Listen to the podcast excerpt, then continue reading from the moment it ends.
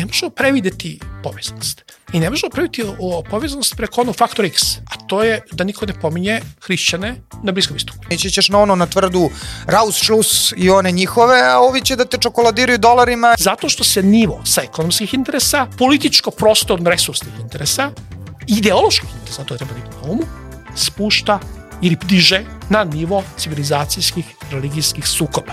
Oni bi trebali da znaju malo istoriji i da nisu baš dobro provodili uvijek kad su nam ispostavljali te ultimatume. Kad da. oružje progovori, sve drugo pada. Nova epizoda podcasta Lokomotiva, ja sam Tjeso Purić. Ja sam Marko Nikolić i naša današnja prva tema biće briselska posla, nova runda pregovora između Beograda i Prištine koja ne liči ni na jednu prethodnu. Zatim druga tema biće nam američko raspeće između Izraela i Ukrajine. A treća tema je to kako je Gaza postala nova Hirošima. Tako je. A u drugom delu podcasta razgovaramo sa Vladimirom Kolarićem, piscem i kulturologom, a vi ukoliko niste, like i subscribe na naš kanal naravno i da vas podsjetimo da nas možete pratiti, pratiti i na audio platformama Spotify, Deezer i drugim. Tako je. E, da krenemo onda od ove najsvežije teme o tome šta se dešavalo u ovoj jednoj jako specifičnoj rundi pregovora u Briselu gde se e, predsednik Srbije našao e, na stolu gde su preko puta njega bili ni manje ni više predsednik Francuske, premijer Nemačke, premijerka Italije i uh, uh, Borelj i Lajčak. Onako jedan, jedna fotografija je isplivala onako koja dosta, pa mislim, predstavlja uh, definitivno kolika se sila obrušila trenutno na, na našu zemlju i, na, i koji pritisak se vrši na našu zemlju, a tomu prilog ide i ono što govori i američki ambasador, što u Beogradu, što ovaj, dole u Prištini, uh, Hovenijer, koji je rekao da vojska Kosova se odlično ponela sa situacijom u Banjskoj i da Amerika jako podržava proces uh, integracije prave vojske zapravo Kosova, da se to, što se kaže, napravi što bolje, što jače. E, I da, to su, to su neke zanimljive stvari koje moramo da imamo u vidu u pored svih ovih velikih geopolitičkih stvari koje nam se trenutno dešavaju i nekako nam bacaju maglu trenutno ispred ovih stvari koje možda bi trebalo nas najviše da brinu, a to je da se uporedno sa ovim dešavanjem u Briselu dešava opreoravanje groblja srpskog na severu Kosmeta e, i na severu Kosova i Metohije i da se oslobađa onaj policajac koji je pucao na srpsku decu to je spuštenje se brani sa slobode, onaj policajac koji je pucao na srpsku decu na Badnje veče e, ove godine. Čekaj, ja ovdje imam jednu malu, ovaj, samo možda, kako bih rekao, primetbu. To koliko se sila obrušila na nas... Не е ништо ново. Али не, не е само што не е ништо ново, него ние тоа више ни нека сила. Mislim da budemo, da budemo iskreni jer, uh, pazi... A to ćemo, a to ćemo kasnije ovaj, jeste, zapravo tek... tu, pa da, ali mislim to oni svi kao nešto tu, tu pričaju, sve su neki pritisci, svime teško. Zamislimo da, jer mislim, kako bih rekao, sva ova, sva ova eskalacija i, i u Južnoj Srpskoj pokrajini pokazuje da uprko svim tim pritiscima nisu baš veliki dometi evropske politike, a iz druge strane kad se vidi slika tih pet jahača apokalipse, ne znam, to može stvarno da se stavi na onaj, u, u politikin zabavnik i da se, da se stave svih tih pet državnika i da se kaže pronađi razliku. Nema razlike tu nikakve. To su sve ovi sa pokretne trake. Mislim, pričali smo toliko puta o tome. Uh, malo je tu Melo, Melonijeva pokazivala neki karakter u predizbornoj kampanji, kako to obično bude. Prevarila posle toga, nas. Posle toga, da, dovedena, dovedena je u stroj.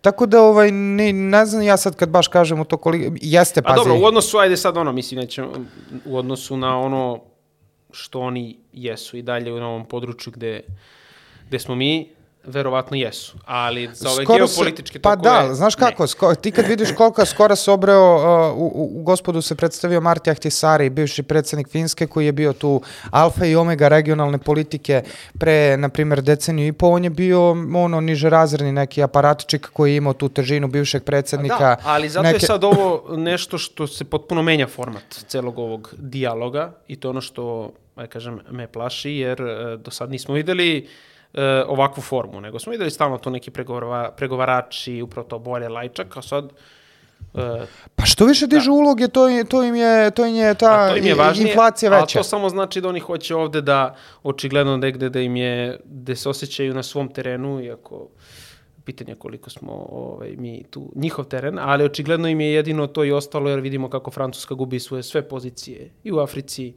a da ne kažem o, o, o ove, ove druge zemlje. Ne, pa to jeste. A i bila je ona, to smo spomenjali u prethodnim emisijama ili nismo, to smo ostavili za ovaj naš mesečni pregled u ovom otvorenom Balkanu i berlinskom procesu. Da, to je poseban deo gde se ipak vidi da se nekako ovaj prostor uh, prepušta Nemačkoj pre svega. Tako je. A da Amerikanci imaju sad bitnija posla.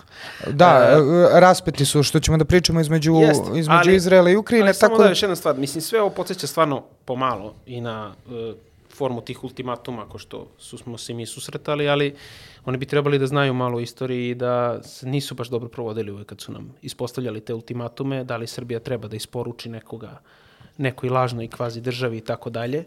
Tako da to apsolutno jeste jedna analogija i da se što više spominje da bi to bio neki uslov, ako se to ne desi onda idu kao neke Pričaš o zahtevu za, za isporuku Radojičića, je li Tako je, Pa ne, pa to da, da. ali mislim, da- ali sve to, sve to sad farsične epizode, jer opet, znaš kako, mislim, ono, Austro-Ugarska je bila kakva Jeste, takva. ali treniraju je strogoću. bila ozbiljna. E, Gde- to da treniraju strogoću i da pokušavaju da demonstriraju, sad je uvek tu pitanje kakva ti je mera odgovora na to, jer, uh, ovaj, ali meni se čini da koliko god bilo paradoksalno, svi ti balkanski što priznati, što nepriznati uh, lideri poprilično pobijaju bilo kakvu predstavu tih zapad, zapadnoevropskih i srednjeevropskih i atlantističkih struktura o tome da se bilo šta pitaju. Naravno, mi smo ovde jednostavno u gravitaciji tih sila moći, pa moramo da idemo po službenoj dužnosti, po tim sastancima sa, ne znam ni ja koliko, koliko bi, ali mislim, to su sad ljudi reda veličine koji se sastoju sa Ilonom Maskom, koji koliko god da je velik, nema nikakvu težinu, nema nikakvu funkciju. Mislim, on jeste, kad, kad se sastane sa Erdoganom,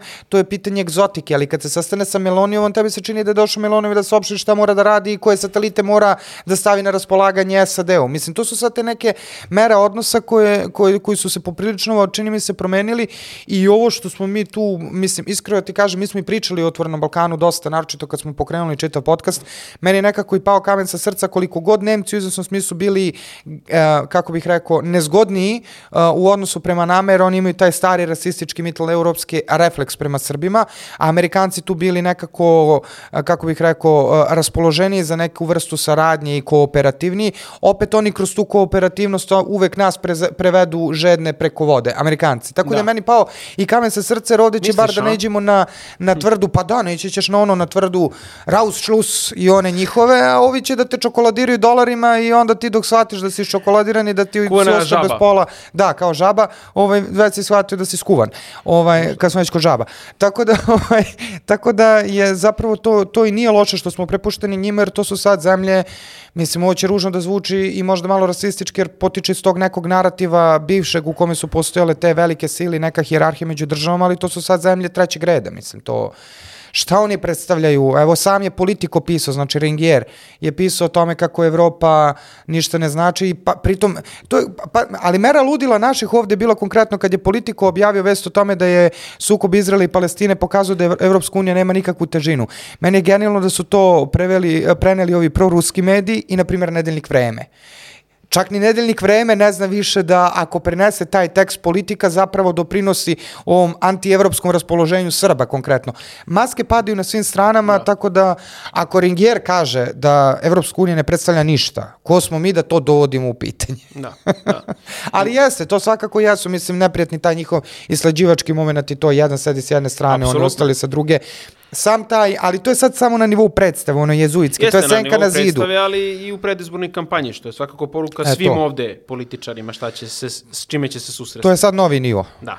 I treba spomenuti kad si spomenuo uh, već sukob Izraela i Palestine, uh, da i u Europskoj uniji tu bilo uh, svakakvih trzavica i da je 800 ljudi koji su radili uh, pod kontrolom ajde Ursune von der- von der Leyen u tom sistemu, uh, dalo ostavke zbog uh, toga što Europska unija zapravo nema nikakav stav. Da ima neki stav, nego nekako nema nikakav stav, već je onako sve prepušteno šta god da se desi, mi smo na jednoj strani i to je to. Tako da postoji tu neki ljudi koji definitivno e, su odlučili da daju ostavke, što jeste neki simbol neki simbol pobune, ako ništa drugo. I u tom poredku. Jeste i to i ovaj, dosta složeno tu na tragu ove pitanja odnosa između levice i desnice, jer ovaj, Evropa je tu u dosta delikatnoj poziciji, jer s jedne strane oni su baš gurali ta, tu ljudsko-pravašku, levo ljudsko-pravašku priču. Decenijemo su to gurali i onda kad je došao zapravo trenutak gde je trebalo da pokažu delatnost te svoje ideologije koju su gurali da podrže Palestinu, oni su se svi po direktivi iz Vašingtona svrstali, svrstali uz Izrael. Tako da je to zapravo ta, ta nedosledna...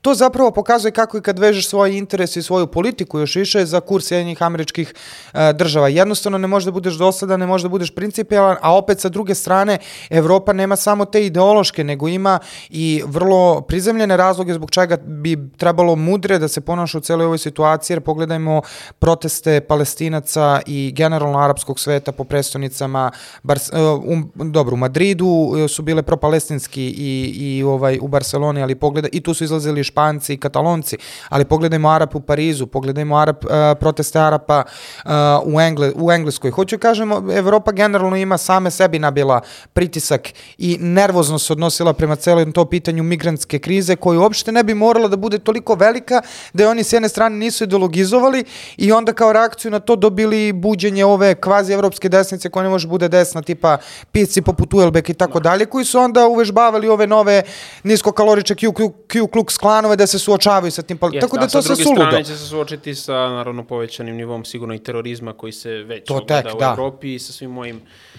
uh, stavovima koji zapravo prema stanovništvu koje u Europi postoji i muslimansko stanovništvo, velikim delom naročito u Francuskoj, Tako je. kako se uopšte odnosi prema tom delu stanovništva i da se iko brine o tome kako će ta populacija reagovati. Da. E, u svakom slučaju, da krenemo na našu onda drugu temu, a to je američko raspeće između Izraela i Ukrajine. E, izabran je predsednik e, Donjeg doma kongresa, Mike Johnson, čovek koji se ispostavilo da je u prvom danu zapravo na liniji toj nekoj koje, koju najviše podržavaju i republikanci i demokrate, o tome kako će uslediti veliki, najveći do sad paket pomoći Izraelu, ali i Ukrajini.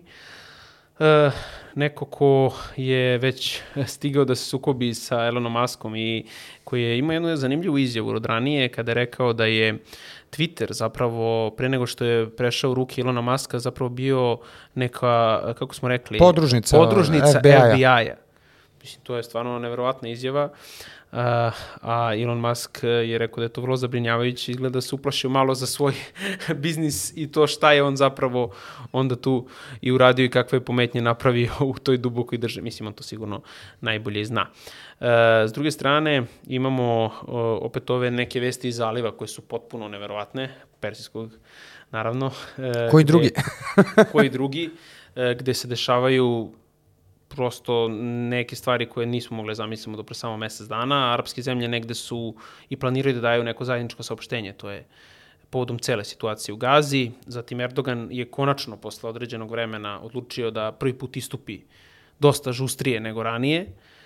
I e, imamo situaciju da je Katar, to je neka onako dosta sveža vest, da je Katar e, nakon sad koliko to ima veze ili nema veze, ali Blinken, zapravo prvo Anthony Blinken je upozorio Katar, to je zamolio ili kako već to stumači, da Al Jazeera nekako malo smiri svoj ton prema, e, to je da bude umerenija, kako bi se to reklo, u izveštavanju o situaciji u Gazi, a onda imamo situaciju da je Katar osudio nekih osam oficira e, indijske mornarice koji su optuženi za špioniranje za Izrael. Na smrt ih je osudio. Tako To su onako neki... Ne, to su sve velike vesti. Pazi, ovo sa Blinkenom, meni je to, ali to je sad prava mera odnosa snaga, eh, eto i na tom medijskom nivou ili u medijskom svetu, jer ovaj uh, Daily Wire koji je Ben Shapirov, na primjer, kad je Biden došao na vlast, odmah je iz Bele kuće upućena direktiva uh, Daily Wire koji da, da se malo primire uh, sa kritikom i zapravo je upućena poruka Google iz Bele kuće da malo, uh, da malo spusti taj algoritam Daily Wire koji je bio onako poprilično viralan i to je sve u kontekstu američkih kulturnih ratova i Ben Shapirovog opredeljenja cele te ekipe za Trumpa i na tu konzervativnu stranu imalo smisla, ali to su opet bili nekako ono domaći poslovi. Sad kad se Blinken izleteo sa tim istim zahtevom koji je mo, koji očigledno može da, da, da ispostavlja u svom dvorištu, ali kad se izleteo sa tim istim zahtevom zahtevom prema Al Jazeera katarskoj vladi. Ovo je stiglo, ovo je stiglo kao rezultat, pritom znamo da što se tiče pozicije Indije, ona tu levitira između istoka i zapada, ovaj, ima tu neku politiku, uh, politiku uh, podjednake udaljenosti od svih polova, iako su nominalno u BRICS-u i, ovaj, i u svim tim drugim varijantama, proistočnim, to jest istočnim integracijama, ali je interesantno i nije nemoguće da su indijski oficiri uh, preko tu verovatno neke američke veze špionirali za Izrael. Ali ono što je interesantno jeste da spomenuo se da ovo, ovo za republikance i da. uh, za, za, za demokrate, da, da raspakujemo malo što, što se kaže tu priču, ovaj četvorica uh, republikanskih e, senatora na čelu sa Ted Cruzom iz Teksasa zapravo zahteva da se, iz, e, da se pomoć Izraelu e, izglasa posebno, posebno zakonu u odnosu na pomoć Ukrajini i on je izjavio da Rusiju treba pobediti, Tajvan treba braniti, a da je taj zakon koji predlaže Ted Cruz sa četvoricom senatora o zasebnom finansiranju Izraela zapravo služi da se pomognu naši izraelski saveznici, kako kaže, da brzo dobiju svu potrebnu pomoć dok potpuno ne zbrišu Hamas sa lica zemlje. E to je sad jedna alternativa ovom ovom zakonu e, Bidenovom, Biden predviđa zapravo da se 106 milijardi dolara izvoji, izvoji kao pomoć i u tih e, za pomoć e, svim američkim saveznicima trenutno na, na najakutnim ovim žarišnim tačkama na svetu i ovaj ta, a ima ih. A ima ih i ta pomoć od 106 milijardi isplivala je i struktura. To je sad objavio nije ni, ni Washington Post nego Washington Times to je jedan manji medij ovaj, kažu 60 milijardi je predviđeno za Ukrajinu, 14 milijardi za Izrael, 7,4 milijardi za Tajvan, onda je 14 milijardi za pomoć migrantima na jugu zemlje koji ilegalno prelaze granicu između Meksika i Amerike i 10 milijardi za humanitarnu pomoć Ukrajini, Gazi i Izraelu. Znači to je jedna ovako vrlo fino upakovana priča, e, ali šta sad, tu se ne završava priča. Jer je isplivao i razgovor između uh, Christine Livag iz Morgan Stanleya, jedne um, kako bih rekao, think tank agencije, koja, ta Christine Livag je zapravo Wall Street uh, analitičar, znači bavi se tamo tim akcijama i tim čudima, ovaj, i, i između ovog, uh, on je zapravo CEO, znači ovog Raytheona, velikog proizvođača naoružanja, isplivo je razgovor između njih dvoje, gde oni pričaju o tome kako se svi ovi ratovi održavaju na vojno-industrijski kompleks i ukupan biznis, njihov zaključak je naravno da je to sve dobro za biznis, kaže Christine Livag, od 106 ovih milijardi koji su predviđeni iz Bidenovog paketa, 50 milijardi je predviđeno i, bi, i direktno će ući u vojno-industrijski kompleks. E sad, ovaj um, jedan od uh, egzekutiva Raytheona kaže uh, do sad je Raytheon sam primio 3 milijarde dolara za uh, municiju koje treba i oružje koje treba ispostaviti u Ukrajini i bez ovog, znači Bidenovog zakona treba da primi još 4 milijarde dolara u naredne dve godine. Ako se donese ovaj Bidenov uh, zakon koji predviđa 106 milijardi dolara. To će biti još jedan neverovatan boost tom i onako već uh, vojno-industrijskom kompleksu koji čini se da je sve, ja mislim, progutao što se može progutati tamo. Lindsey Graham je jedan od tih eksponenata i jedan od tih likova koje finansira. A dobro, to su ti ljudi što su u Senatu koliko već i... i Decenijama. I su, da, da, Decenijama da... su tu, mislim, ono, sede, nekad su bili mladi, sad su sede glave. Sad uopšte nema više mladih ljudi u američkom Senatu i to je isto jedna paradigmatična stvar, ali ovaj, uh, Lindsey Graham je najavio inače i ovaj kako bi se e, da treba da je Iran sledeći na redu i da se Iran treba preventivno e, napasti. Danas je bila vez da su dve sirijske baze, baze napadnute, tako da mislim tu su vrlo od strane Amerike nime samoodbrane. Dobro, to sa Iranom, to smo već i pričali, tako znači je. to je stara priča sa Wesley Clarkom i izgleda po svemu sudeći da se negde i ide ka tome ili barem da se isprovocira takav sukob. Imamo već e, da opet iranske milicije odgovaraju naravno na te napade i napadaju američke baze u Siriji Iraku kao što i Jemen e, to čini. Sa druge strane, po ceo dan na ovim američkim svim televizijama ide pa šta čekamo, zar nije naš predsednik Biden rekao onog momenta kada e, Iran bilo šta udari na bilo koju američku bazu da ćemo mi da ih napadnemo, onda izađe John Kerry i pita je on to stvarno rekao. Mislim, Tako da takva je situacija u, u Americi, taj Bidenov, kad se kaže zakon, mislim, to je onda valjda svima jasno da je to svih zakon osim Bidena. I da se demokrati i republikanci izgleda da će to biti možda jedan od naj, pod najvećim uh, kvorumom izglasan zakon, verovatno, jer tako, prosto je takva situacija. Trenutno našli su temu koja koja izgleda svima, svima odgovara i tim upravo republikanskim jastrebovima i ovim demokratskim, zapravo što su sad republikanski oni koji sad kažu pa ne, ovo ništa, ništa, faktički Amerika ništa ne pomaže, niti dovoljno. Ne, član, komi, član Američkog komiteta za spoljne odnose, čovjek se pojavio na poslu ovaj, pre neki dan, to je bio isto skandal u medijima, u izraelskoj uniformi. On je, znači, i onda su krenuli da pitaju, pa čekaj, ako si se ti zaklan u ustavu Sjedinjenih američkih država, zašto oblačiš izraelsku uniformu?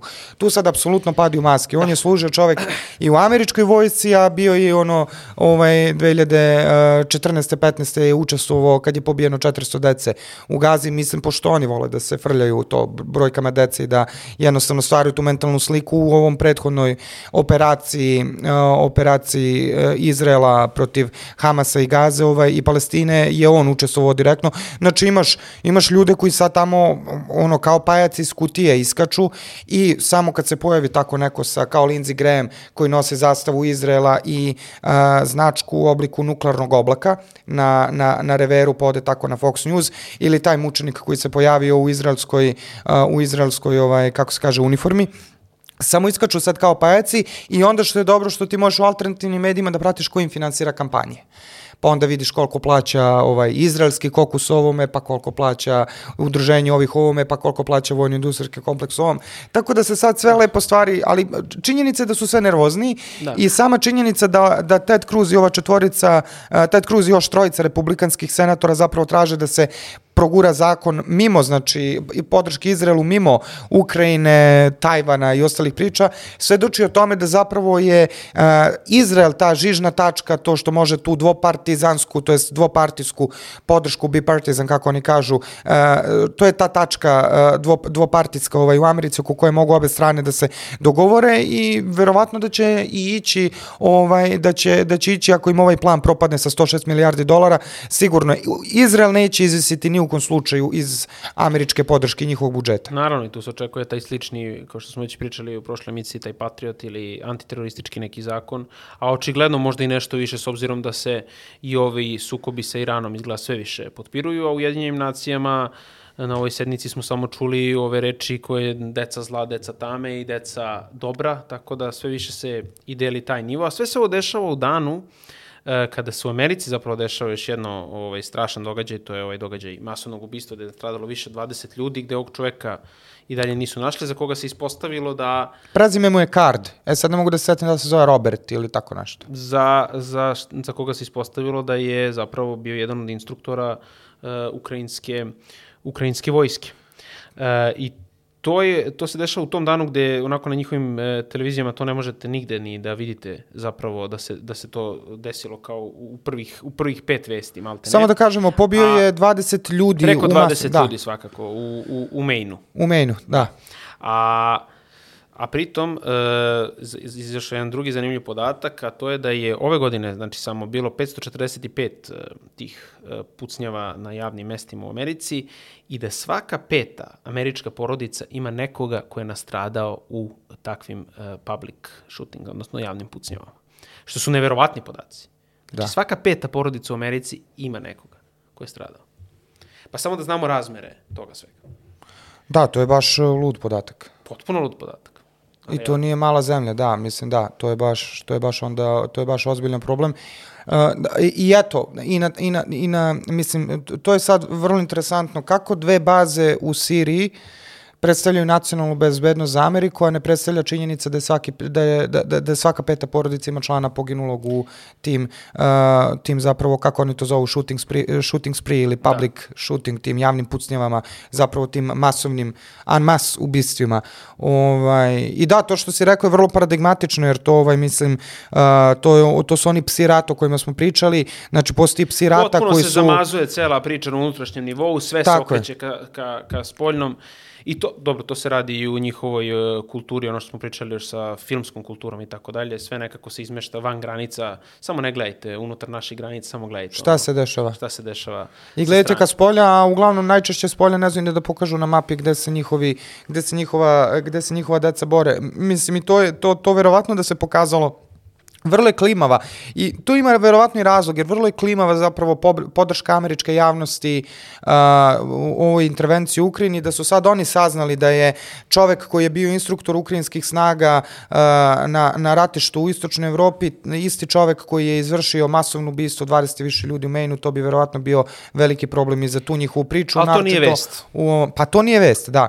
Upravo to. To nije, to nije vest, ali to se može da... pročitati upravo po tom Twitteru ili tako nešto. Alternativno, u ovom slučaju. Uh, a eto, zanimljivo je ovo saznati da je i Twitter bio, dakle, poema rečima novog predsedavajućeg, kako kažemo, ispostava FBI-a, a Musk isto ima jedan komentar da zapravo stvarno ćemo prespavati ulazak u taj treći svetski rat. Tako da, definitivno su to sve stvari koje onako treba skrenuti pažnju, a ako ništa moramo mi da kažemo ovde, ako već... Nema ko. Nema ko, je tako? Da je treći, rat, svetski, rat, treći svetski rat već počeo. Pa dobro. I da nije evropski. Ovaj, Da. to je da polu delimično evropski. Ovaj pa ne, ima ga u istočnoj Evropi od 2014. ali to je opet ovaj po njihovim merilima to nije Evropa. Tako je. Ali ovo ove vesti iz Gaze su stvarno uh, zastrašujuće. The Cradle je izašao sa podatkom da je zapravo količina eksploziva bačenog na Gazu ekvivalentna snazi bombe bačene na Hirošimu. To su sad poprilično ozbiljni podaci, naročito imajući u vidu sve ove izjave koje se ti spomenuo, odnos dobra i zla i šta ti zapravo daje legitimitet da ti na taj način targetiraš uh, takvu jednu, to je mislim uh, manje od Tokija, gotovo ovaj, naseljenost je kao, kao u Tokiju. Gustina naseljenosti, ne naseljenost po broju, nego gustina naseljenosti je kao u Tokiju i sad mislim imamo ove izjave ministra odbrane Galant kad kaže to su neobične životinje, pa ovaj što smo pominjali uh, Izrael uh, Hec, kako se zove, ministar energetike kad kaže ovaj, to je nacija deca ubica, pa Netanjahu koji kaže uh, to ako ne pobedimo mi, pobedit će varvari, ako, a naša pobeda je pobeda zapravo civilizacije. Imamo otprilike čitav narativ za to da se apsolutno legitimizuje upotreba bilo kog sredstva bilo, no. i ono što je interesantno jeste da je Izrael, uh, predsednik, uh, predsednik ovaj, uh, Izraela uh, Isak Herzog je zašao iza Sky News rekao da Hamas raspolaže uh, hemijskim naoružanjem. Uh, ajde sad na stranu to koliko, kako treba da se pravi to hemijsko naoružanje, pa uh, koliko je zapravo složena infrastruktura, koliko su ti sredstva potrebna i, i tako dalje. Nego i ovo, ovo meni liči na klasičnu flag operaciju jer se pojavio sa jednog portala Middle East Eye vest o tome kako zapravo Izrael planira da pusti nervni gas u te tunele kojima, koje, koje Hamas navodno ima. Da, kojih se pribojava zapravo 500 da, km tunela da su opasni za tu kopnenu invaziju. Tako je, tako da uh, sve to potpuno, i tu se otprilike ne zna ko šta do kraja, ko šta i kako radi, ko sa čime raspolože, ali ovo kad su krenuli hemijsko naoružanje, pa čekajte, nismo pali s Marsa, mislim, prošli rat protiv terora je kulminirao činjenicom da je Colin Powell najavio da treba da se bombarduje Sadam uh, zbog toga što ima hemijsko naoružanje, dono bočicu antraksa u, uh, u ovaj, navodno, ovaj, u zapravo bio verovatno neki beli prašak, ovaj dono u, ali ne onaj Milanovićev sa Pantovčaka, e, dono neki belu pruvetu sa, sa nekom belom tečnošću ili praškom u jedinje nacije pričao, evo ova bočica može da pobije ne znam koliko, ne znam koliko ljudi i ispostavilo se na kraju da je to laž. Pa su onda protiv Asad optuživali u Guti da je 2013. napadao Sarinom uh, snagi opozicija, a zapravo ovaj Larry Johnson i mnogi drugi uh, koji je bivši uh, analitičar CIA tvrdi da su CIA, MI6 i te sirijska, ta sirijska opozicija zapravo, uh, inst, kako bih rekao, napravile tu celu operaciju koja je bila zapravo false flag, nikakav hemijski, nikakvo hemijsko oružje te 2013. Dobro, to su, da, to su, to su stare formule koje... Ali to je na po 10 e, godina, pazi. Da, 2003. 2013. 2023. Eto, to je zanimljivo. znači, to, ti imaš po deceniji da. jednu situaciju Ali da te prave budalo. Ali sa ovim zaista... Uh, načinom informisanja američkog javnog mnjenja. Ne, to je potpuno bizarno, da. To izgleda može da prođe. Jer kad se čitaju stvarno i ovi njihovi rejtinzi ko kako podržava trenutno kampanju za Izrael i tako dalje, za Ukrajinu, Pa, I što je najgore, da potpuno je, potpuno je, znaš šta, meni tu nije, nije jasno, ajde ja razumem da prave, sad više nije, uh, pokušali su sa Bučom i sa tim varijantama ovaj, da, da prave od, antirus, od antiruske histerije tako jednu propagandu, ali antiruska histerija na zapadu je sama po sebi takva da je ona poda poprilično maglovita i neartikulisana i jedino što je tu sigurno je da je Rusija nešto loše. A ovde sa druge strane ti imaš maltene unisonu podršku Izraelu, znači proizraelsku podršku, ja mislim kogod je napala, Amerika da je napala Izrael, bila bi podrška Izraelu. Znači uopšte nemaš potrebu, meni je zaista zastrašujuća ona, ona, ona, ona lažna vest onih 40 beba, da ne pominjem sad po 300 puta, koji, je, koji, je, koji je Biden potegao u svom obraćanju naciji.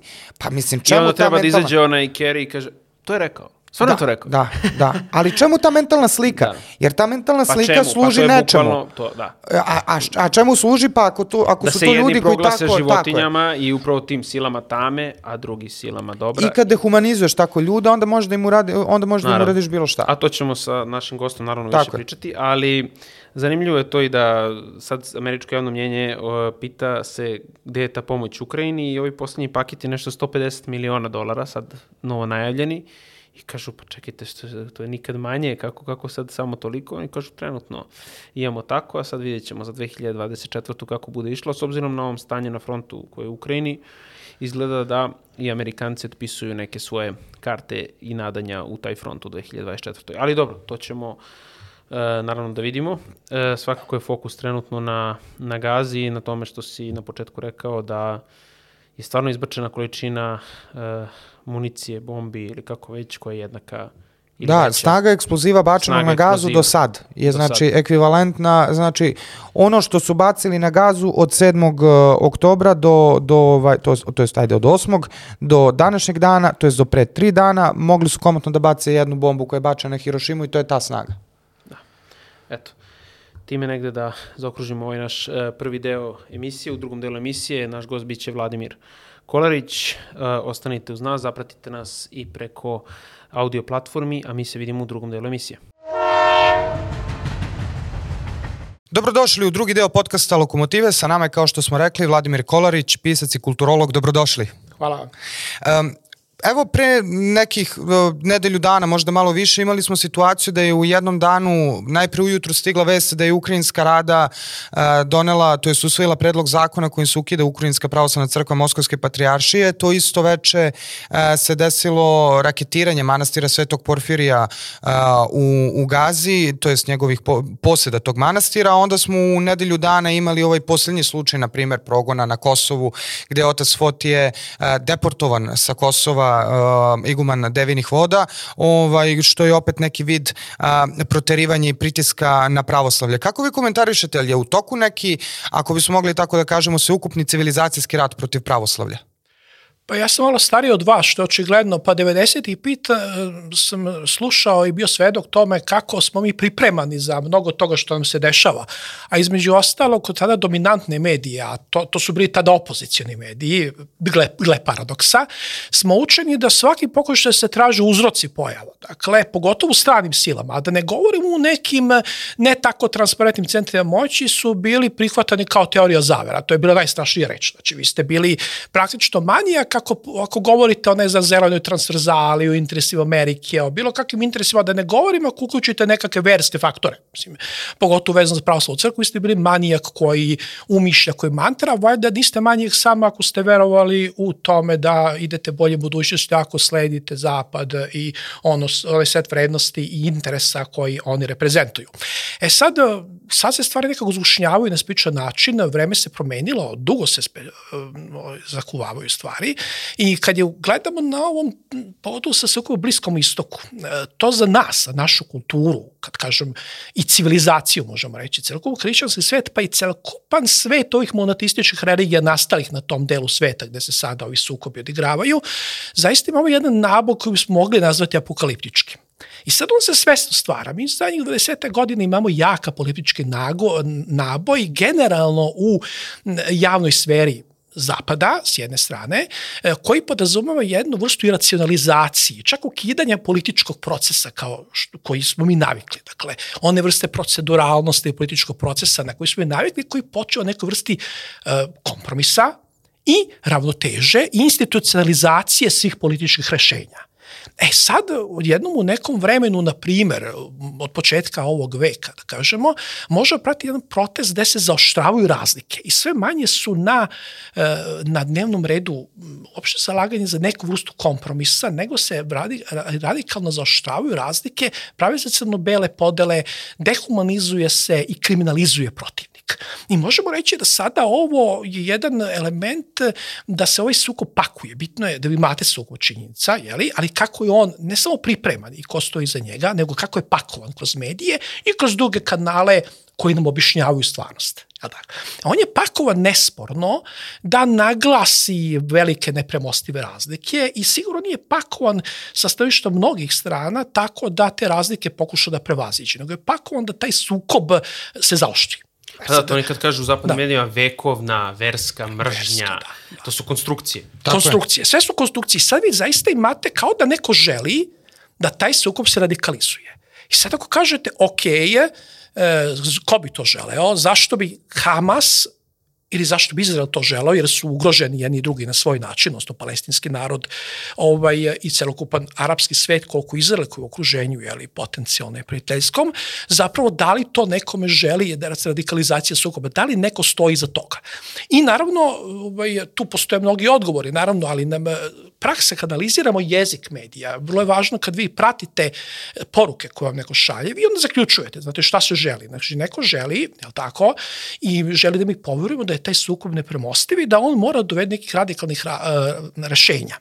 E sad, ta radikalna rešenja mogu zaista kom, nekome odgovarati, na primer Izraelu, da reši određene probleme koji oni da povrate teritorije koje oni smatruju svojima, je tako, po bilo koju cenu i da zato imaju odrešene ruke, kao što i nekim elementima arapsko-islamskog sveta može služiti za nanošenje bitne štete čak međunarodno pre, sa međunarodnim implikacijama države Izraela i homogenizacija arapskog da, sveta koji je bio nekako dehomogeniziran. Jer vi neminovno, mržnja je tu jako velika. Mi ne možemo da razumemo uh, dubine, i tu ću se vratiti na tvoje pitanje, nisam ga zaboravio što je suština, ali vodim ka tome.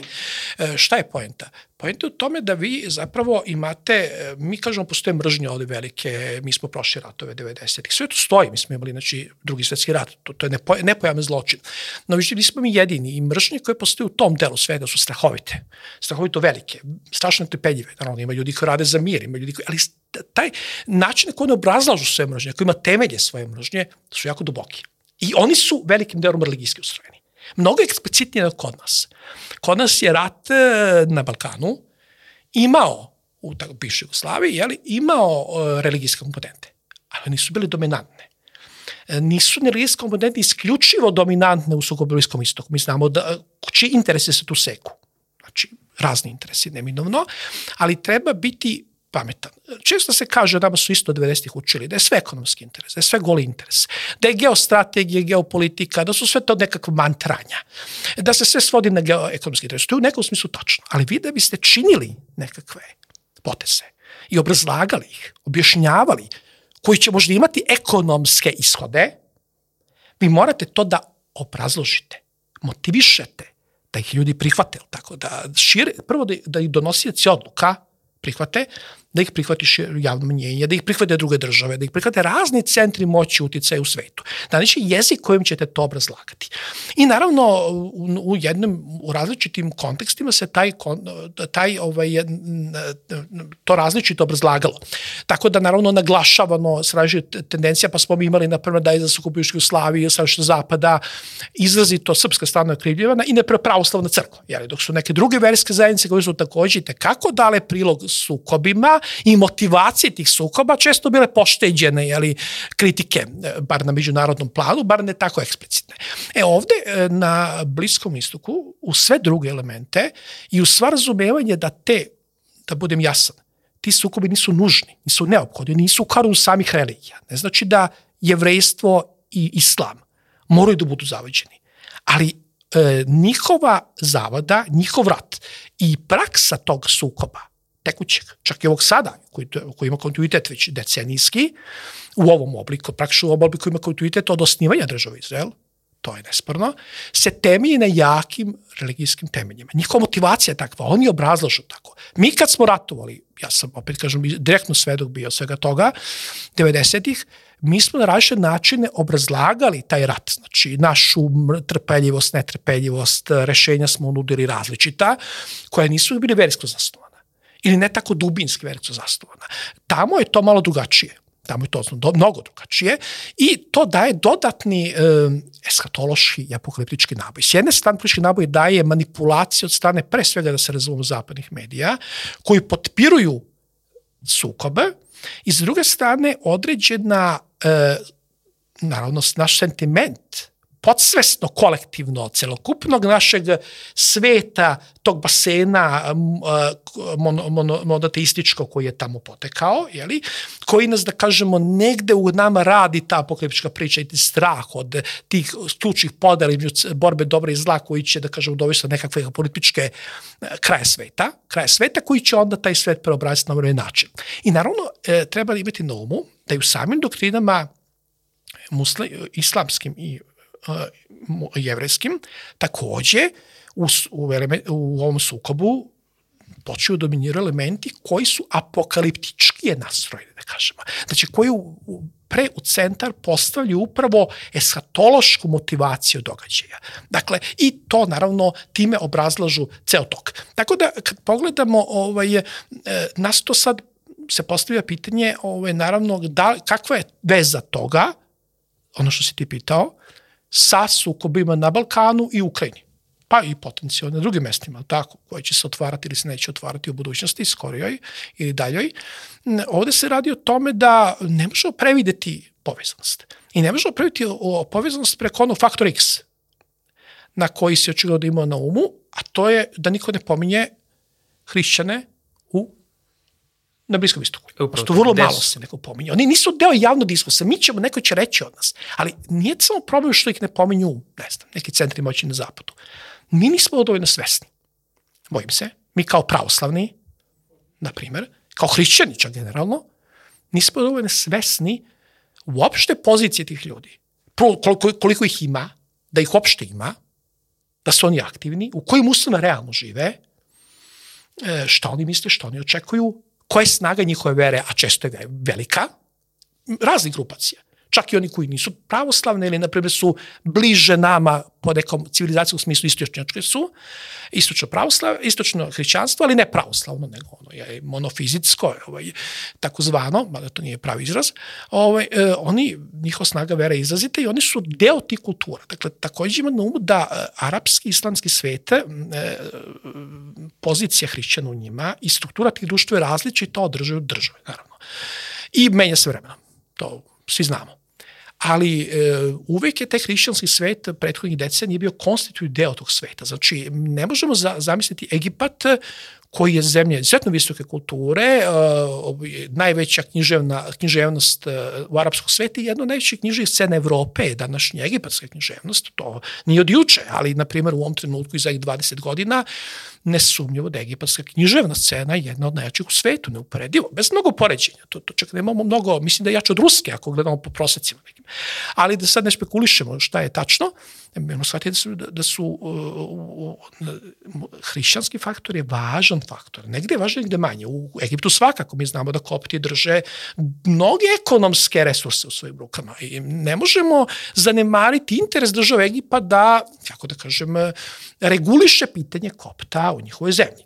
O Libanu da ne govorimo, o milicijama i njihovim, dakle, ovaj, to, to, to je jako važno. Tako da, e, taj hrišćanski element svakako ima odličnu ulogu i naravno on ima tu širu notu, jeli, u, ka hrišćanskom svetu celini, jeli, koji gleda svoje interese. Bojim se da nama, upravo tu imamo slepu mrlju, da nismo dovoljno svesni ni pozicije nevolje tih ljudi u kojoj su i te sa obe strane, i takođe ni značaja za nas, kulturnog značaja toga. Ne samo nekog nostalgije za nekim vremenima i za zemljom koje je hodio gospod i proroci, nego značaja, zaista dubinskog značaja e, to, tog tla i za nas danas, za hrišćane uopšte, i prosto i političko faktora koje oni realno dole jesu i da činjenica da kad sve saberemo, ako gledamo sa ISIS-om i sa onim razaranjem Iraka, ja neću da kažem da je sad, ne znam, neko napao Irak, a zna se ko, da bi uništio hrišćane. To bi bilo vjerojatno pogrešno reći, svakako. Ali ishod je takav da su hrišćani očišćeni. Znate? Mnogi su očišćeni, strahovito su ljudi stradali svi, ničije žrtve ne treba minimalizovati. Ali možemo da se zapitamo da li je i koliko neko hteo da očisti hrišćane iz tog tla. I ko? A znamo da nisu Marsovci napali Irak. Nisu ga hm, napali Marsovci. Nisu ga napali Kinezi. Nisu ga napali Srbi. Eskimi. Znamo ko su ga napali, ima ime i prezime. Tako. tako da, e, ta pozicija, i onda naravno da ti kad pitaš, izvini, a da li to ima veze sa pitanjem Balkana, sa pitanjem Ukrajine, pa, znate, ne treba biti manijak teoretičar zavera da bi rekli da ima. Da ima. I neko iza toga ipak stoji, odnosno neki usaglašeni interesi. To ne znaš što nekih pet čika ovaj, sa čudim prezimenima ovaj, da ne kažem čim, koji, ovaj, da kažemo, vode konce, ali ta situacija globalnih utjeca je vrlo složena i razni centri se ukrštaju, to je jedan složen sistem odnosa, gde se nekada, da kažemo, i, veri, i protivnici oko nekih stvari slože. E sad možemo da se zapitamo ko se slaže oko toga da hrišćana na Bliskom istoku nema, ko se slaže sa tim da, kome odgovara da, ne znam, ne, ne postoji država Izraela, kome odgovara da ne postoje Arapi u određenom pojasu sveta, na primjer, ili Islam, možda postoju sva ta pitanja. Kome odgovara da postoji primat šitskog islama, da on jača ili da on slabi. Znači, možemo da se za svih tih pitanja da tražimo uzroke, odnosno vi pratite puteve, što kažu prati puteve novca, kažu amerikanci, a mi ćemo reći prati putevi dubljih, dubinskih ideja. A te ideje imaju uvek jedno dubinsko, civilizacijsko i u osnovu religijski osnov. Znači, imaju religijski temelj. Dakle, kad su veliki sukobi u pitanju, koji jako zaoštravaju pozicije, i gde su pozicije tako zaoštene, da je jedini ishod potencijalne eliminacije protivnika i totalno, kada je jedino totalno rešenje, prihvatljivo rešenje, za preveliki broj ljudi, tu se aktiviraju one dubinske strukture kolektivnog nesvestog interesa i kolektivnog sećanja. A one su uvek ostaju religijske. Civilizacije se čite religijske. E, I zato je ovo jako opasno. Jer ova priča i u Bliskom istoku, u Ukrajini i na Balkanu je vrlo ozbiljna i treba nas sve zabrine. Zašto? Zato što se nivo sa ekonomskih interesa, političko-prostorno-resursnih interesa, ideoloških interesa, to je treba imati na umu, spušta ili diže na nivo civilizacijskih religijskih sukoba. A tu povratka nema, jer posle toga nemate gde da idete. Ako vi svojite to da je to borba dobra i zla, vi dalje od toga ne možete da idete. Ako je smo mi ili oni, vi dok ste vi komunisti, znate, e, i fašisti, a dobro, Rusi mogu i da ne budu komunisti, jel tako, pa su Rusi. Možete kažete da niste vi ni Rusi, nego ste nešto drugo. Ok, i to, to je neki etno nacionalni identitet. Može i to se relativizuje. Znate.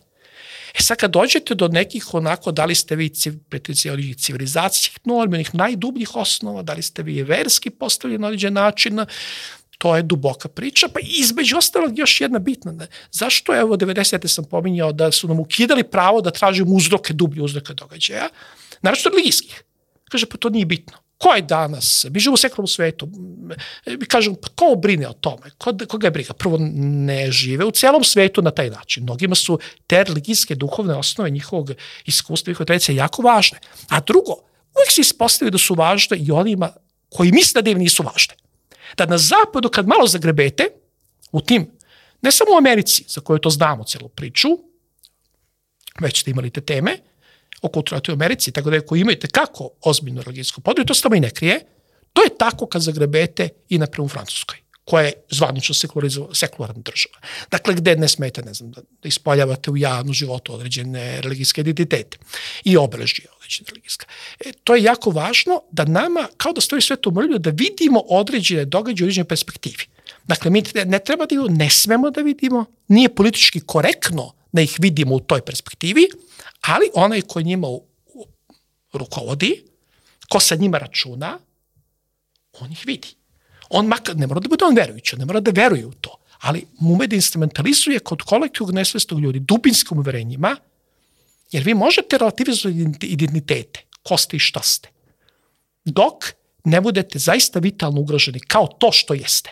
Znate, vi možete relativizovati identitet da ste ljudi, i da nas spaja nas trojicu to što smo ljudi. Ali ako dođe agresivna vanzemaljska rasa pred nas, nama će bitno porasti osjećaj da smo ljudi. Odnosno, čovečanski identitet će nam porasti. Je li tako? Vi kad odete, je li tako, u, u Ameriku, vama se bilo koji evropljanin deluje, vi da imamo rast evropski vidite evropljanina, pa kažete, pa mi smo evropljani, to mi smo naši, ili, da. ili u Kinezi, vidite belca u Kini, pa kažete, e, mi smo naši, iako je on francuz, nemac ili šta ja znam, da. ovdje izgleda kao protivnika, kao, ili makar su predstavnika drugog identiteta. Da, ali evo Vlado, spomenuli se to totalno rešenje i taj složeni sistem u kome živimo i upravo tome i prisustujemo negde, barem za ovaj, i za govornicom Ujedinjenih nacija sad spominje to, znači sile dobra, mi smo deca dobra, ovo su deca tame, znači spominje se već potpuno, i to su ti biblijski elementi e, koji upravo, se... to je ključno pitanje, da. jezik, znak, upravo simbolika, to. semiotika. Ali to je sad potpuno otkriveno. Da. E, upravo to, ono što je ranije bilo u domenu E, ja sam to više puta pisao, što je bilo u domenu teorija zavere, neke obskurnjaka koje vode neke obskurne kanale, jeli, televizijski ili podcaste i tako dalje, rečnik nekih ono UFO žurnala i slično, sad ulazi u mainstream jezik. Nevrovatno. Znači, vi zaista vidite kako jedan jezik, diskurs, kako bi se to reklo, ulazi u mainstream žargon, pa to govore mainstream mediji, pa to govore političari, pa to govore Čak u akademsku sferu. A ne, evo juče pratim Fox News ceo dan i deš, dešava se ova masovna pucnjava u Americi, u Mainu, 20 i ne znam koliko žrtava, potpuno strašna stvar. I gde se ceo dan vrti jedan snimak gde su, ne znam, neka uh, jevrijski učenici u nekoj školi bili ugroženi zato što ispred njihove škole bi išlo, izašlo 20 demonstranata koji su vikali uh, sloboda Palestini. Uh, to je prosto dominantna vest ceo dan u na američkom, jednom od američkih glavnih medija, a onda imamo sa druge strane me, vest koja se samo na Twitteru može videti, a to je da je Raisi se, na primjer, sastao sa rabinima uh, u, u, u Iranu. U Iranu, tako je. I to je nigde se ne može videti. Znači, dominantno je to mržnja, podela, kod nas se ovdje ništa ne dešava, mislim, to čovek koji je opet uh, pripadnik, dobro je sad to druga priča, američki i marinac i čovek koji je obučavao ukrajinske vojnike je to počinio, ali to se nigde ne čuje, nego se dominira kako su jedni ugroženi, a vamo gde se vidi da može da se živi, da se zapravo napravi taj suživot u Iranu, pošto postoji gradovi gde žive hiljade... Isfahan, tako je. Isfahan, gde živi koliko hiljada jevreja. Upravo je to bitno. Mi tumačimo da se da. može suživot ostvariti samo primjenu određenih mehanizama, koji su, da kažemo, liberalizam, tolerancija, multikulturalizam, znači oni koji su definisani na zapadu, okreva zapadnih kultura u njihovom istorijskom toku. Mi imamo na drugim delima sveta, u sve ratovi sukobe, mehanizme održavanja suživota i raznovrsnosti kulturne, koja bez obzira na sukobe traje, održava se i re, uspeva da regeneriše to zajedništvo.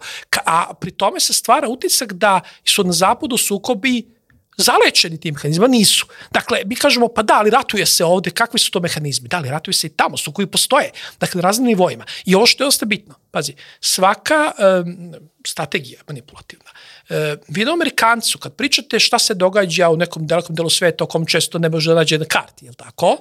Uh, njemu je to abstraktno. Kada stavite nešto što može razumjeti što se događa u ovoj zemlji, zašto je on lično zainteresovan? Vi mu tu problematiku pri, približite. On postaje za nju senzibilisaniji, bolje razume.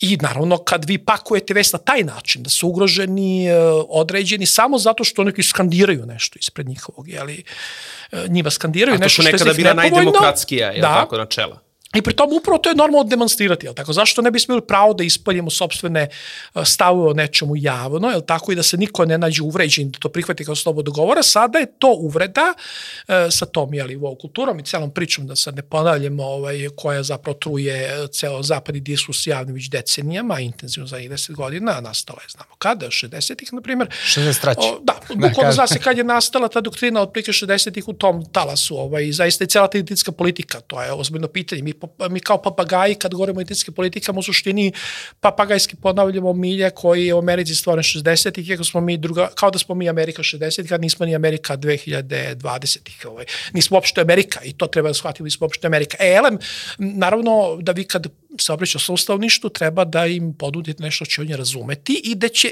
razumeti šta vi njima hoćete da kažete, odnosno razumeće poruku ko je ugrožena, ko nije. I time će oni objašnjavati onda dubinski značaj preko te jadne dece, jeli, koje je neko nešto vikao, da zapravo se to onda preliva na naše opredeljivanje na sukobu, gde niko nikom ne viče, nego gde padaju bombe, gde, gde ljudi realni stradaju i to je zaista mnogo zbiljnije. I upravo to je jako važno, kad gledate stvari posredovano.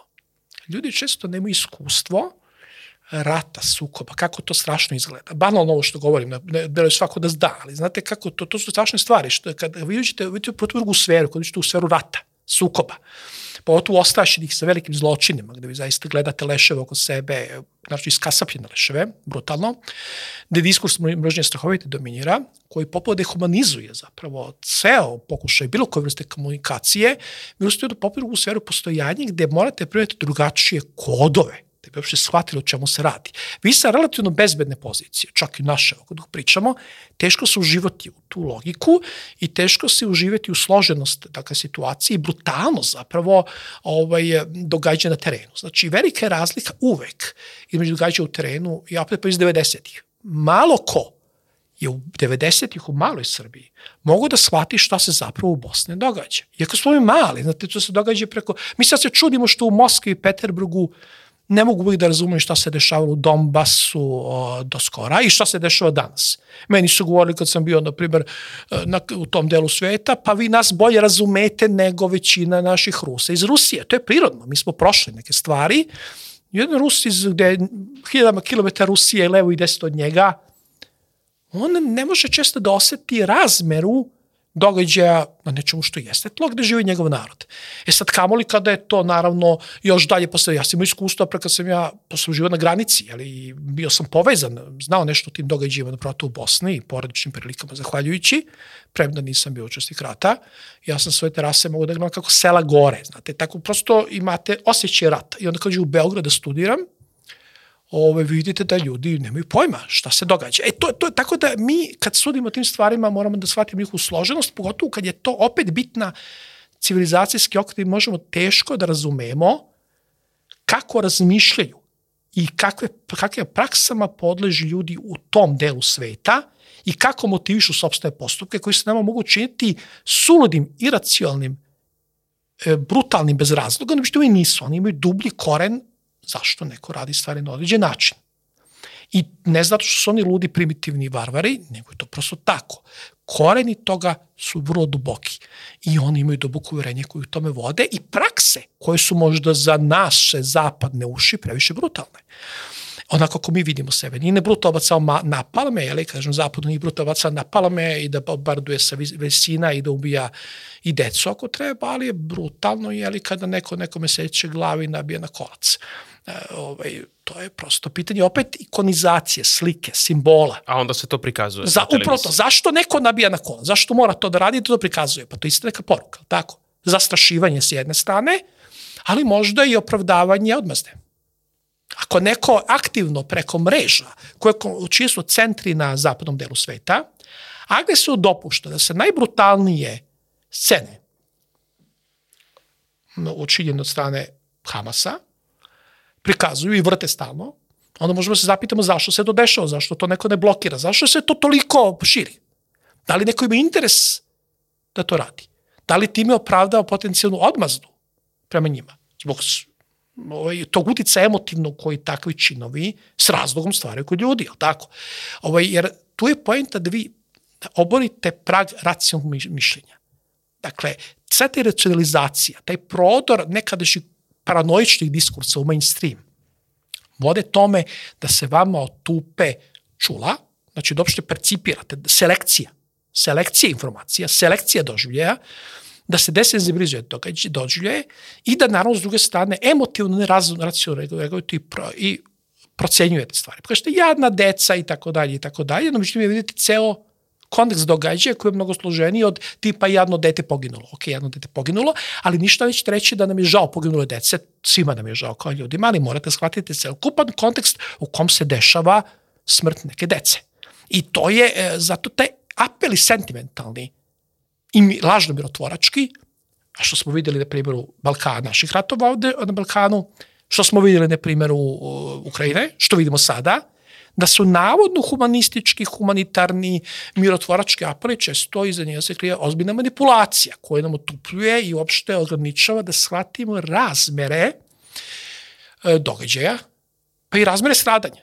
Mi mislimo da nismo svesti razmera stradanja na Bliskom istoku sada, da, da, da filtriramo ih. Prosto, to je, mislim, podsvesno, to je to čak i ne samo i kolektivna i lična podsvest, ali tako, individualna, mislim da nećemo sebi da priznamo, kao što nismo, jednostavno ne možemo da priznamo sebi u Ukrajini razmere stradaju u ratu u Ukrajini, u Donbasu. Te razmere stradanja i e, praksa stradanja, razmere brutalnost toga što se tamo dešavalo, mi zatvaramo uši. Ali mi zatvaramo uši pred što se događa od 90. i zatvaramo i dalje uši pred što se dešavalo 40 na ovom tlu, na našem tlu. Znači, mi iako imamo podatke, mi zatvaramo oči da shvatimo razmere događaja bez samoviktimizacije, bez uh, samosažaljenja, bez revanšizma, bez želj za osvetno pozivanje, nego prosto razmere stradanja, recimo otvoreno našeg naroda.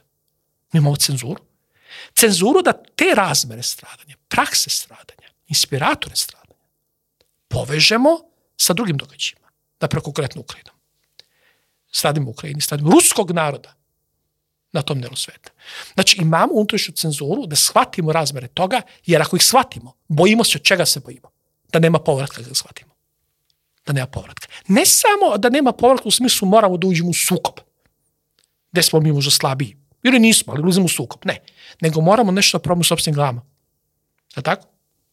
A to znači moramo neki zablu da, da se oslobodimo da su neke stvari ovakve ili onakve, da su neki narodi civilizovani, neki nisu, da mi pripadamo nekim narodima i da samo ako pripadamo jednom delu sveta, da smo civilizovani. A ako ne pripadamo, da nismo.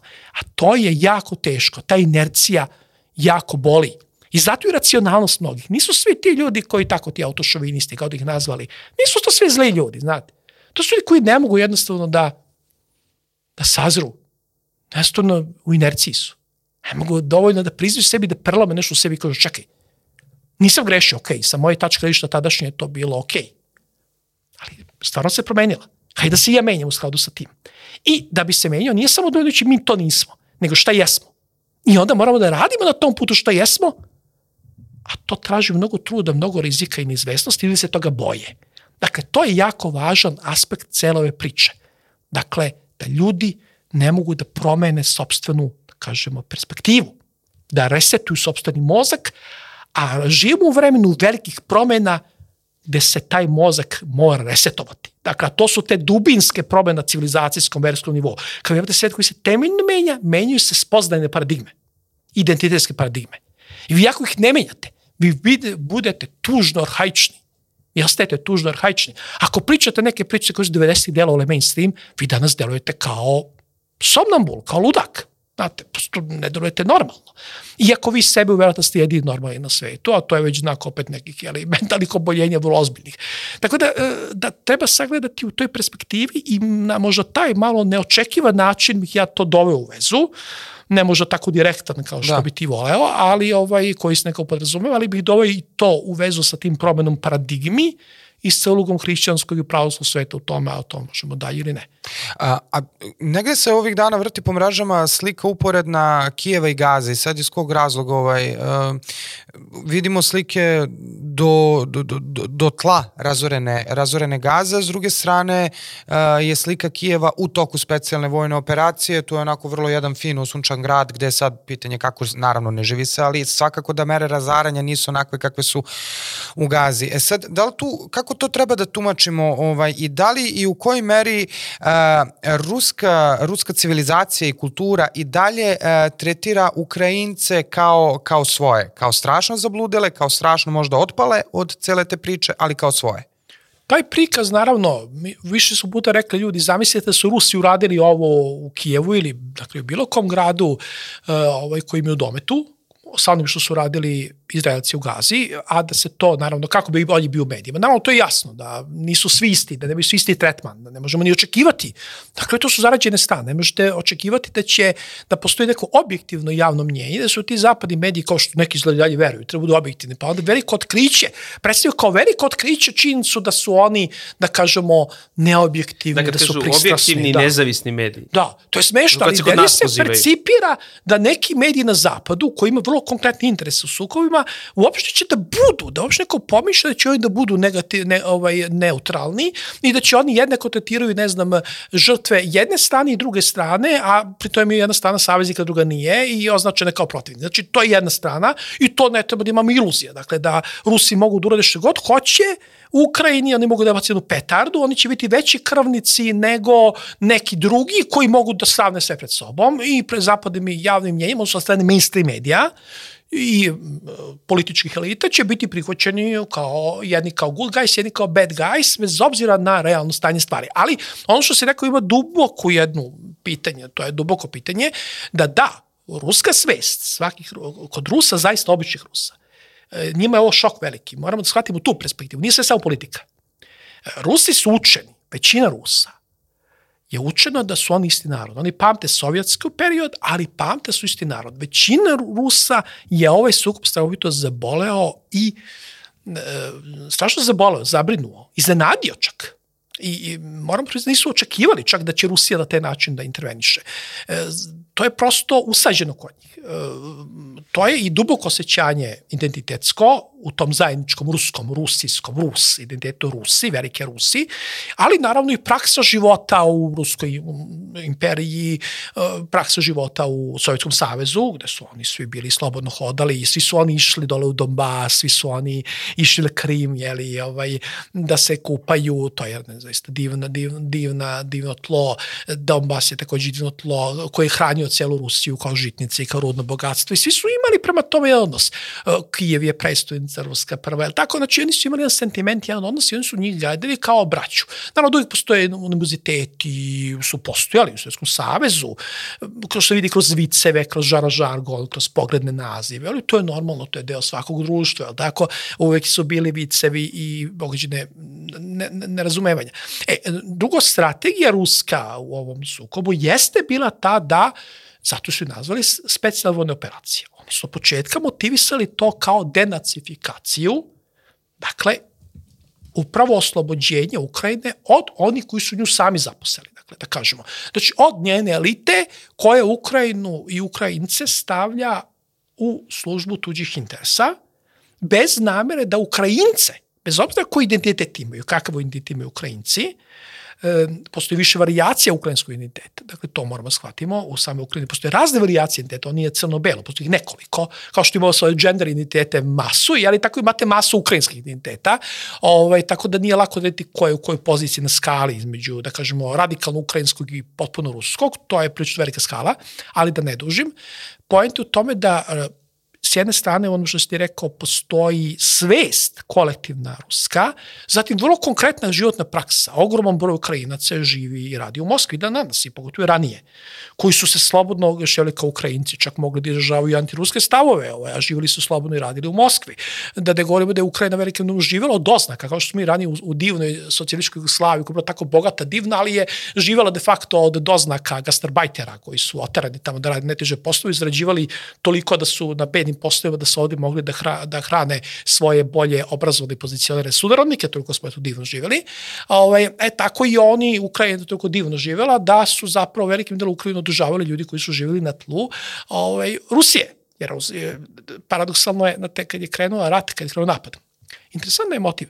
Kad je krenuo 90. rat, to se vidi ista kuhinja propaganda. E, ljudi će razumeti, pamte da je uvijek bilo da idu na ratište ljudi, pogotovo dobrovoljci, dobrovoljci 90-ih u Bosnu i Hrvatsku, da bi belu tehniku zarabljavali. Čak ne kažu, ne znam, da bi krali, nego baš belu tehniku, to da je bedno, jadno, nisko. Ideš da ratiš zbog bele tehnike. To nekako prosto dobro zvuči za, za one koji za hoće da... Za nastave. Upravo to, divno zvuči, da, da vi nekoga demo, da, da, da stigmatizujete. Da se profaniše cela priča. Profaniše da. cela priča, da. I sad, tačno, e, e, interesantno kad su krenuli Rusije, Bilo je da Rusi hoće da pljačkaju belu tehniku. Ista priča sa belom tehnikom je bila da Rusi nagranuli Ukrajinu da pljačkaju belu tehniku. Da, je, da su, I oni su uvereni, njihova propaganda je bila da se u Ukrajini bolje živi, što je potpuni nonsens u Ukrajini pre rata. I Rusi, standardi, mislim, bilo koji način života, to je bilo nepojmljiva razlika ekonomska, nepojmljiva, nas u Ukrajini i Rusiji, nepojmljiva. U sve probleme koje Rusija imala, daleko od toga da ih nije imala ekonomske probleme i vrlo složenu situaciju, stabilnost ruske države ekonomska naspram Ukrajine, pre ovog sukoba, pre sveg sukoba 14. Nebitno se ne može porediti, da je uporadive redu veličine. I da ne govorimo da i oni koji su hranili velikim delom da i tada, pre 14. Donbas, pretežno rusko-identitetski deo Ukrajine, eh, hranio resursima celu Ukrajinu radom, resursima i tako dalje. Znači da su oligarsi, glavni njihovi, imali najbitniju saradnju, da se razumemo, sa, sa Rusima. Znači, da su zapravo ulagali ja, pre svega znači da zapravo ta moć tog hibridnog rata da. koja je bila, koja je, eto, u te Ukrajince prosto u 10, 15, 20 godina potpuno negde e, pa možemo da kažemo slobodno potpuno preumila. ih je da preumila, da, i kao što su i ovde radili u tokom hibridnog rata, ali ajde sad da kažemo, da li sad onda maske pagle je taj hibridni rat je sad postao direktan, jedan otvoren rat kome više nema sad tih finih rukavica, rat protiv kulture, rat protiv, nego je ovo, kao što ste, možete to da prepričate ka vaše, vaša zapažanja iz Donbasa 2018. i napisali ste u krajnjoj liniji i, i knjigu eseja Plamen Donbas, o Donbasa eseji o trećem svetskom ratu, uh, o tome kako su bombardovana mesta gde, gde su spomenici, gde su kulturna znanja, isto ko što, mislim, je ISIS radio u Siriji ili cancelovanje kulture u, u Americi, sa druge strane... Pa i tamo ruše spomenike u Americi na kraju ruše. krajeva, mislim, nema, to je, to je ta priča. Tako da. da je to ta ista veza tog hibridnog delovanja koji se sad ako ništa drugo možda je pao u zapećak i ovo je sad jedan onda direktan sukob. Oružje je pregovorilo. Kad da. oružje pregovori, sve drugo pada. Znate, oružje kad progovori, kad topovi zagrbe, svaka sofisticirnija priča pada, ali ne znači da nestaje. Jer neko mora da motiviše da obrazloži, da rastumači, e, da protumači za sledeće generacije to što se događa, što interesi. Dakle, mi ne smemo da zanemarimo uvek taj tihi rat iza, koji sad postoji, bez što oružje pregovorilo. Nemamo iluziju da oružje rešava stvari u krajnjoj liniji, Ali opet i to pitanje složeno je ko će da vam proizvede oružje, ko će da dati oružje. Ne samo motivacije boraca na raznim stranama, nego i opskrbe međunarodnih odnosa, to ima veze i sa diskurzivno-ideološkim, eh, identitetskim pričama. Dakle, ona nikad ne padaju. E, ono što si rekao je sjajno, ja sam bio i, i na Krimu i u Donbasu i ovaj, iz prve ruke video neke, neke situacije. Ovaj, zaista imate činjenicu da je rat 14. Eh, pa uvek moramo da ponovno jednu stvar, rat nije počeo 21. 21. odnosno 22. pardon, je počela specijalna vojna operacija, dakle intervencija ruskih oružanih snaga na teritoriju Ukrajine. 14. je zapravo taj rat počeo. Ta SVO je kontinuitet sukoba koji je počeo 14. sa Mejdanom. Sa znači onom revolucijom Majdanu, to je jasno. I ta revolucija je bila vrlo važna jer ona imala te identitetske okvire. Vi vidite, znači, kad dođete u Donbass, Lugansk, taj deo koji su Srbi osnovali, Srbi su osnovali Lugansk, prvi slavijano-serbski je bio Lugansk, pa posle je nastao posebno manje mesto koje se zove slavijano-serbsk, a Lugansk je postao Lugansk. Dakle, to su Srbi osnovali svoje vremeno. I to je jedno divno tlo, jako plodno. To je žitnica ogromna. Tu su rudokop do rudokopa. Je do bogata zemlja. Znate, vi imate u Lugansku fabriku lokomotiva koja proizvodi koja je do 14. pazite, u raspaloj Ukrajini, do 14. proizvodilo, na primjer, četvrtinu celokupnog ili više od četvrtine celokupnih svih lokomotiva na svetu. Znači, samo jedna fabrika. Znači, četvrtinu lokomotiva u svetu proizvodila. Sad, to je nama nepojmljivo. To je fabrični kompleks koji je nekad u vreme Sovjetskog savjeza imao sobstvenu tramvajsku liniju. To su gradovi u gradovima. To vi ne možemo da pojmimo, ni nemamo tako nešto. To su razmere koje su nama kao maloj zemlji nepojmljive. Apsolutno. I vi imate to. Dakle, zatim i sad, što, o čemu se radi? Vi kad dođete tamo vidite rudokop, vidite fabrike, to sve stoji. Kad sam ja bio, eli, od 16 do 18, to stoji. Znate, ne možete, pruda je presečena, granice je blizu, ništa ne može da radi, ljudi je posao, nema od toga ništa. A onda šta vidite? Vidite grobnicu do grobnice, vidite masovnu grobnicu iz drugog svjetskog rata i onda 20 metara, 50 metara od nje masovnu grobnicu iz tekućeg sukoba. Dakle, ne tekućeg, nego onog sukoba koji ovo prethodio SVO. Dakle, tako da kad govorimo o napadu, mi vidimo da kad je Rusija reagovala, ja ne mogu, kao što je pitala Novrka RTS-a, da li je Rusija morala da interveniše, ja kažem, ne znam, ja nemam sve podatke, nisam stručnjak, mislim, ja ne mogu da sudim da li je mogla ili ne, ali mogu da kažem, sa, pošto kažem sa samo odgovornoću, da je, da možemo da znamo i da naslutimo šta je druga strana želela sa rusko-identitetskim stanovništvom Donbasa da uradi. A to se vidi, vrlo otvoreno rečene, po tim masovim gromnicama, koji imaju kontinuitet sa masovim gromnicama drugog svjetskog rata i po brojnosti, sistematičnosti i brutalnosti su nama vrlo dobro poznate. Odakle, gle čuda? Iz NDH.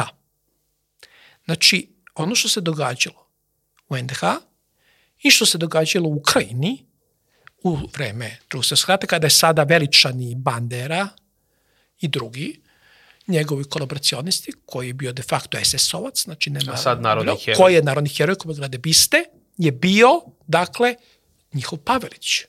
E, to su jasne paralele.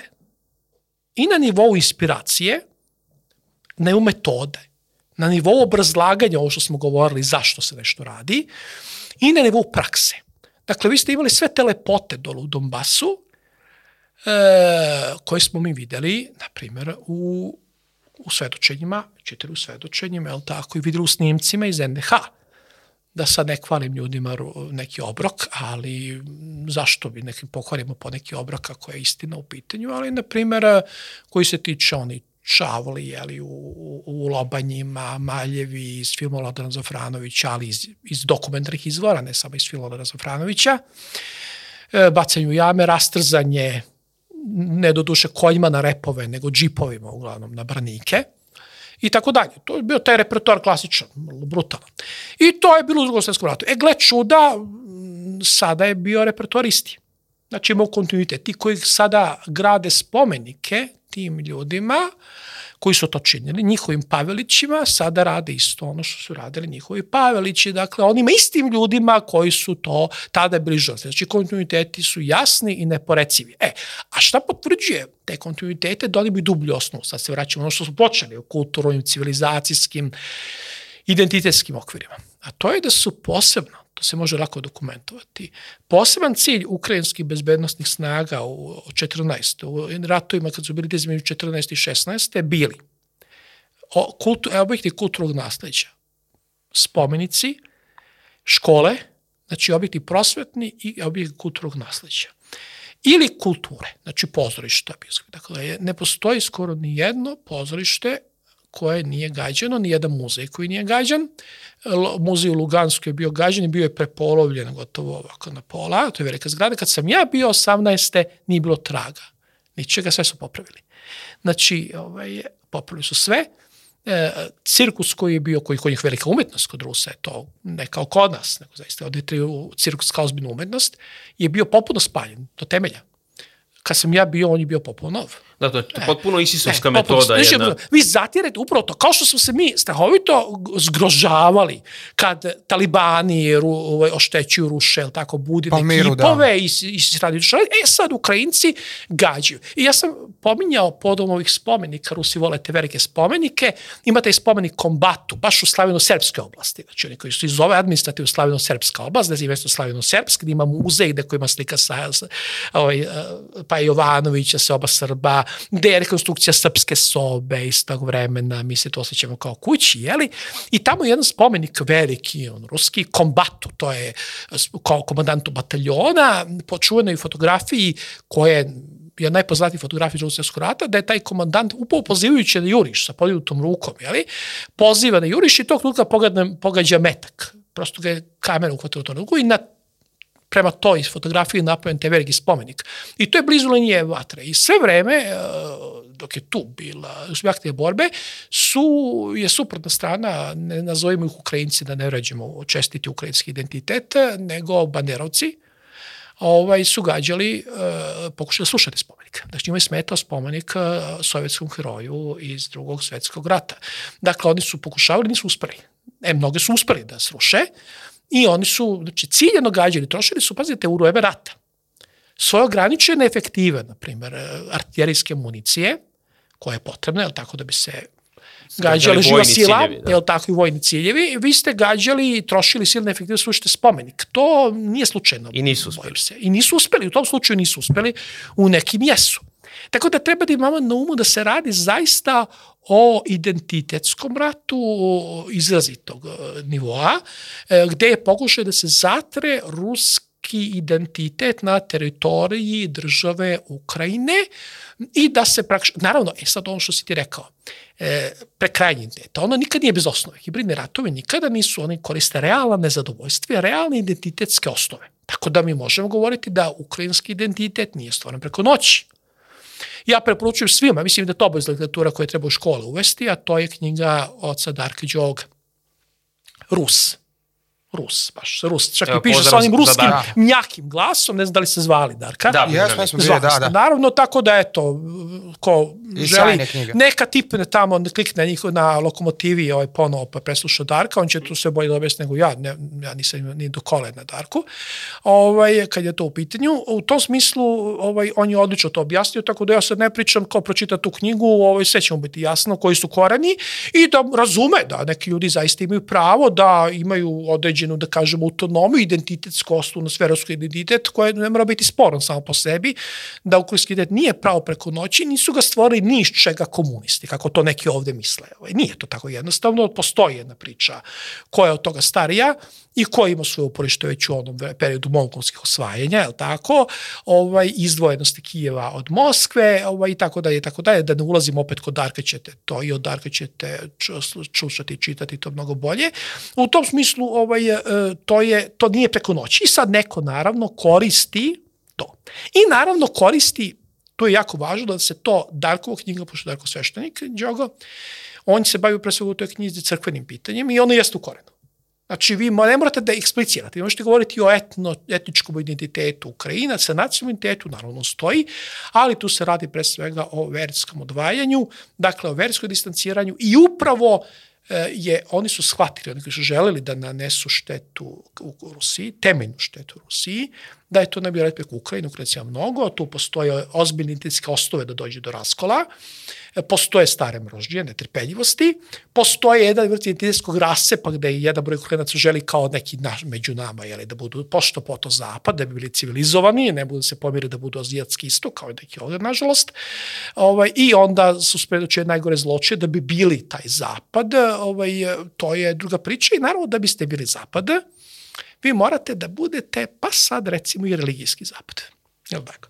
Ili da neki modus da možda ne budete baš religijski zapad, da ne imenujem, da, ne, da se, ajde, da imenujem, da se ne pokatoličite, ali da se napravo pounijatite. A što znači da prihvatate obred, ali prihvatate jeli, ovaj, ko je prvi episkop prima ipak ima primat, jeli, onaj koji mu pravoslavna crkva bar do sada nije priznavala.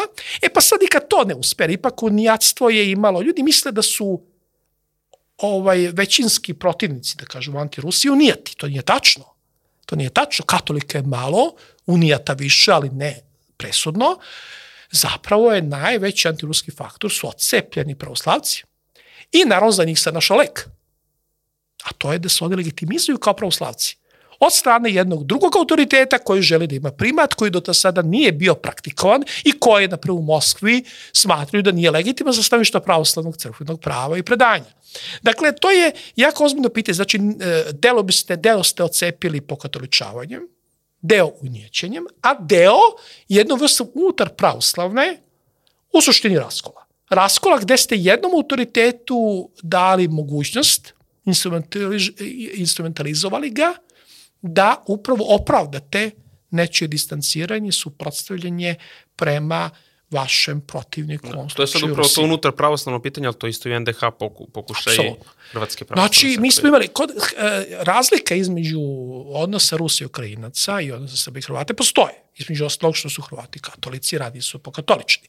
Ali e, cela priča je naravno katolizacija katoličavanje, mi možemo da pratimo e, priča koja nije poželjno pričati, ali postoje takođe autoriteti, o to ne želim ja da pričam, nek pričaju ti koji bolje znaju od mene, dakle kako je išlo kroz vekove po katoličavanje, ovde poinećivanje nije toliko bilo uspešno, E, to je bila jedna, da kažemo, malo ne, nedovoljno uspešno, u Ukrajini bilo uspešno, u Rumuniji bilo uspešnije punjećivanje, kod nas manje uspešno, ali ono, mislim, šta je problem? Zbog čega ovi raskoli ovaj, e, unar pravoslavni, pokretani očigledno od strane zapada?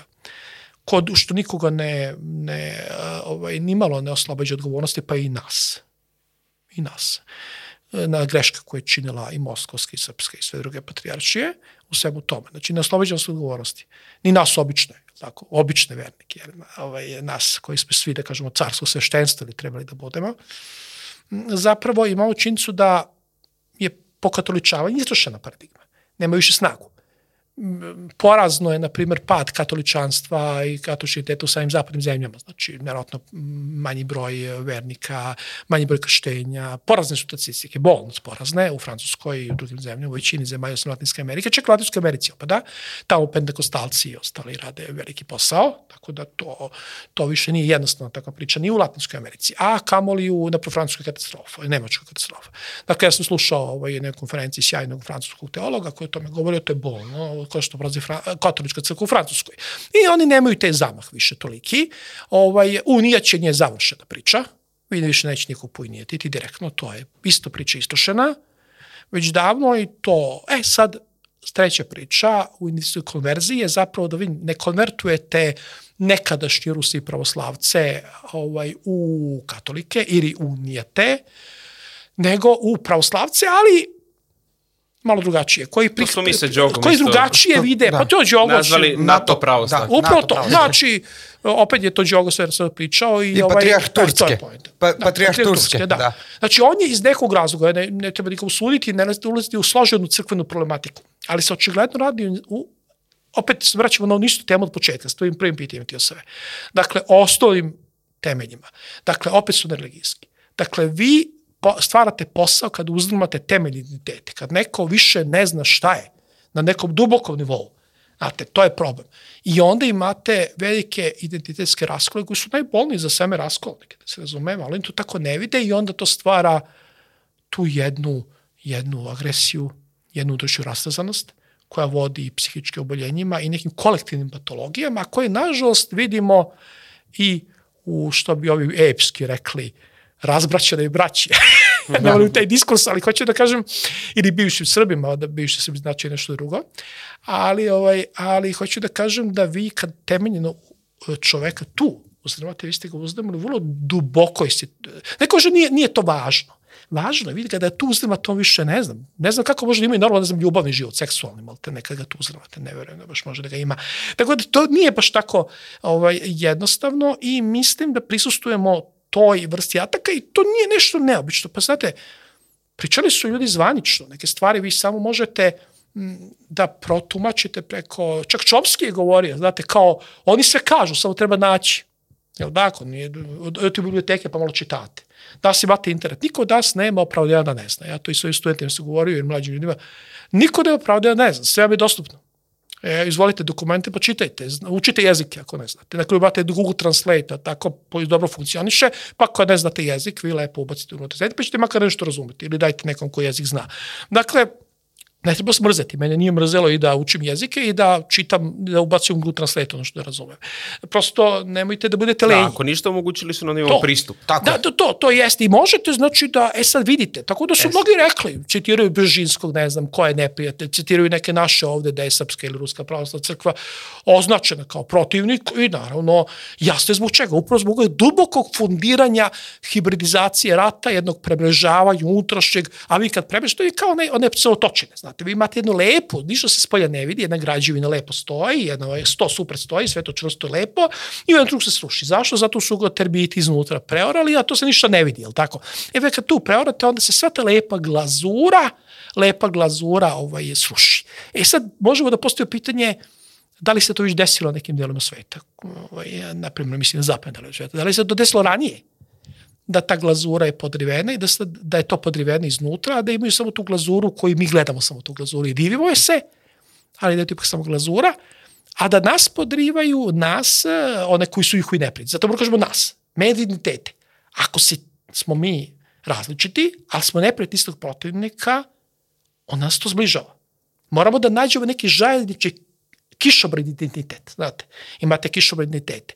Znate, ako sad smo mi različiti, jel tako, po veri, rasi i tako dalje, Ne moramo se svađati, ne, ali ako nas označi Tiosav, nas dvojicu kao protivnike, jel tako svoje, mi ćemo naći neku foru da nađemo zajednički identitet. Imamo istu boju kose ili imamo manje ili više kose ili smo, ne znam, ne znam šta već. Hoću da kažem, imamo naočare, nas dvojice imamo naočare, će reći, je, mi smo bili s naočare, pa smo protiv tebe. Ja, lako smo se sad podelili drugačije. E, to je to, znači lako se podeliti. Da. Hoću da kažem, ovaj, e, tako, je, tako i sa tim od, od, odnosima. Ovaj, To, to, se, to je vrlo jednostavno, igra je jednostavna. Ne treba mnogo biti genijalan da bi se ona, ovaj, da bi se ta šahovska partija e, ovaj, razabra, da bismo se u njoj razabrali, samo treba dve stvari, da priznamo to sebi, ono što za, e, logičkim razmišljanjem, izučavanjem, proučavanjem do čega dođemo, da smemo to da kažemo, da pre toga priznamo sebi. I naravno da vidimo šta je rešenje, šta da radimo, kako da se odbranimo, a da ne nagnemo narodu, ne stradamo ili ne izgubimo identitet, predamo, predamo se ili prodamo onome koji želi da nas skupi ili uništi. Odlično, onda ovo je odlična poruka da, da pogledaju emisiju ljudi da bi shvatili sve to, tako da I odličan možemo zaključak. samo, evo, da, Ali da, dajmo još jedno, samo naravno. ovaj, um, jer smo pominjali, pa ne bih nekako, pričali smo, dosta smo se bavili zapadom, ti si spomenuo u toku emisije da si iranski predsjednik sastao Yes. sa jevrijskom zajednicom, e, činjenice je da u Rusiji ima gomila identiteta i opet nekako se čini da taj zapadni model zapadni model nacionalne države koji podrazumeva to čišćenje i istrebljenje i to negde što vidimo i da je Izrael negde u tom smislu zapadna država jer ne toleriše taj drugi etnicitet, a sa druge strane vidimo ovaj, ajde kažem, evroazijski koncept tolerisanja raznih partikularizama, e, jel može on da, jel ima on kapaciteta sad, čini se da je to negdje, da li se vama čini, da je to sad glavna osovina neka spajanja, na primjer, eto, konkretno Irane i Rusije, gde, gde sad postoje ti i neguju se šta više ti partikularizmi. Apsolutno, to je ključno pitanje. Mislim, e, tu su sad na dve tačke se mogu odgovoriti. E, Jedna stvar je uloga Irana. Oni su prvi put sistematski počeli da razvijaju jednu ideologiju, jednu kulturnu politiku, ovaj, koja se zastava civilizacijskoj osobenosti, dakle, o, ovaj, o pluralnosti civilizacija i o bitnosti civilizacijskih utemeljenosti određenih društva. Znači, konkretno sobstveno tiransko, e, e, tiransko-persijske i šitske civilizacije i njene osobene, osobenosti kao civilizacije, kao jednako vrednosti drugim civilizacijama, ne obavezno veće i značajnije, i razlikovanjem koje više ne ide po liniji različitih religija, različitih etniciteta, pa i različitih civilizacija, nego po liniji verujućih i neverujućih. Dakle, oni koji veruju u Boga i u veći duhovni princip. Veći duhovni princip, nešto što nas prevazilazi u našem istorijskom trajanju i oni koji u to ne veruju, nego se, da kažemo, predaju objektivizaciji, tehnizaciji celokupne realnosti, a koja podrazumeva nasilnu želju za pokoravanjem celog sveta i nametjenje unipolarnog modela na globalnom nivou kao jedine moguće istine. To je prvi put počeo doktrinom mnogo pre Rusa i eksplicitno od Kineza da razvija Iran ovaj, na jedan ozbiljan način. Naročito o tome pisao i na Ayatollah Homnei, ali Homnei, neke knjige su prevedene i na srpski ili srodne jezike, tako da se takođe mogu čitati programske knjige, ali je Homneija koji o tome govore. To je jedna stvar. Druga stvar je e, sam e, primat civilizacijski, e, zvali mi to evroazijskim ili ne. Dr evroazijstvo je složena doktrina, kao što znaš Tijosave, ovaj, to je vrlo složeno, mnogo toga je evroazijstvo i ovi novoskiti, da. doginovci, da. nije sve dugin, mnogo toga ima, ali e, pragmatizam, evroazijstvo na jednom pragmatičnom nivou prihvata ruska država, pragmatično. U njima je to korisno, da bi mogli da se povežu sa celokupnim azijskim prostorom, kojim je bezbednostno, resursno i tako da je korisno.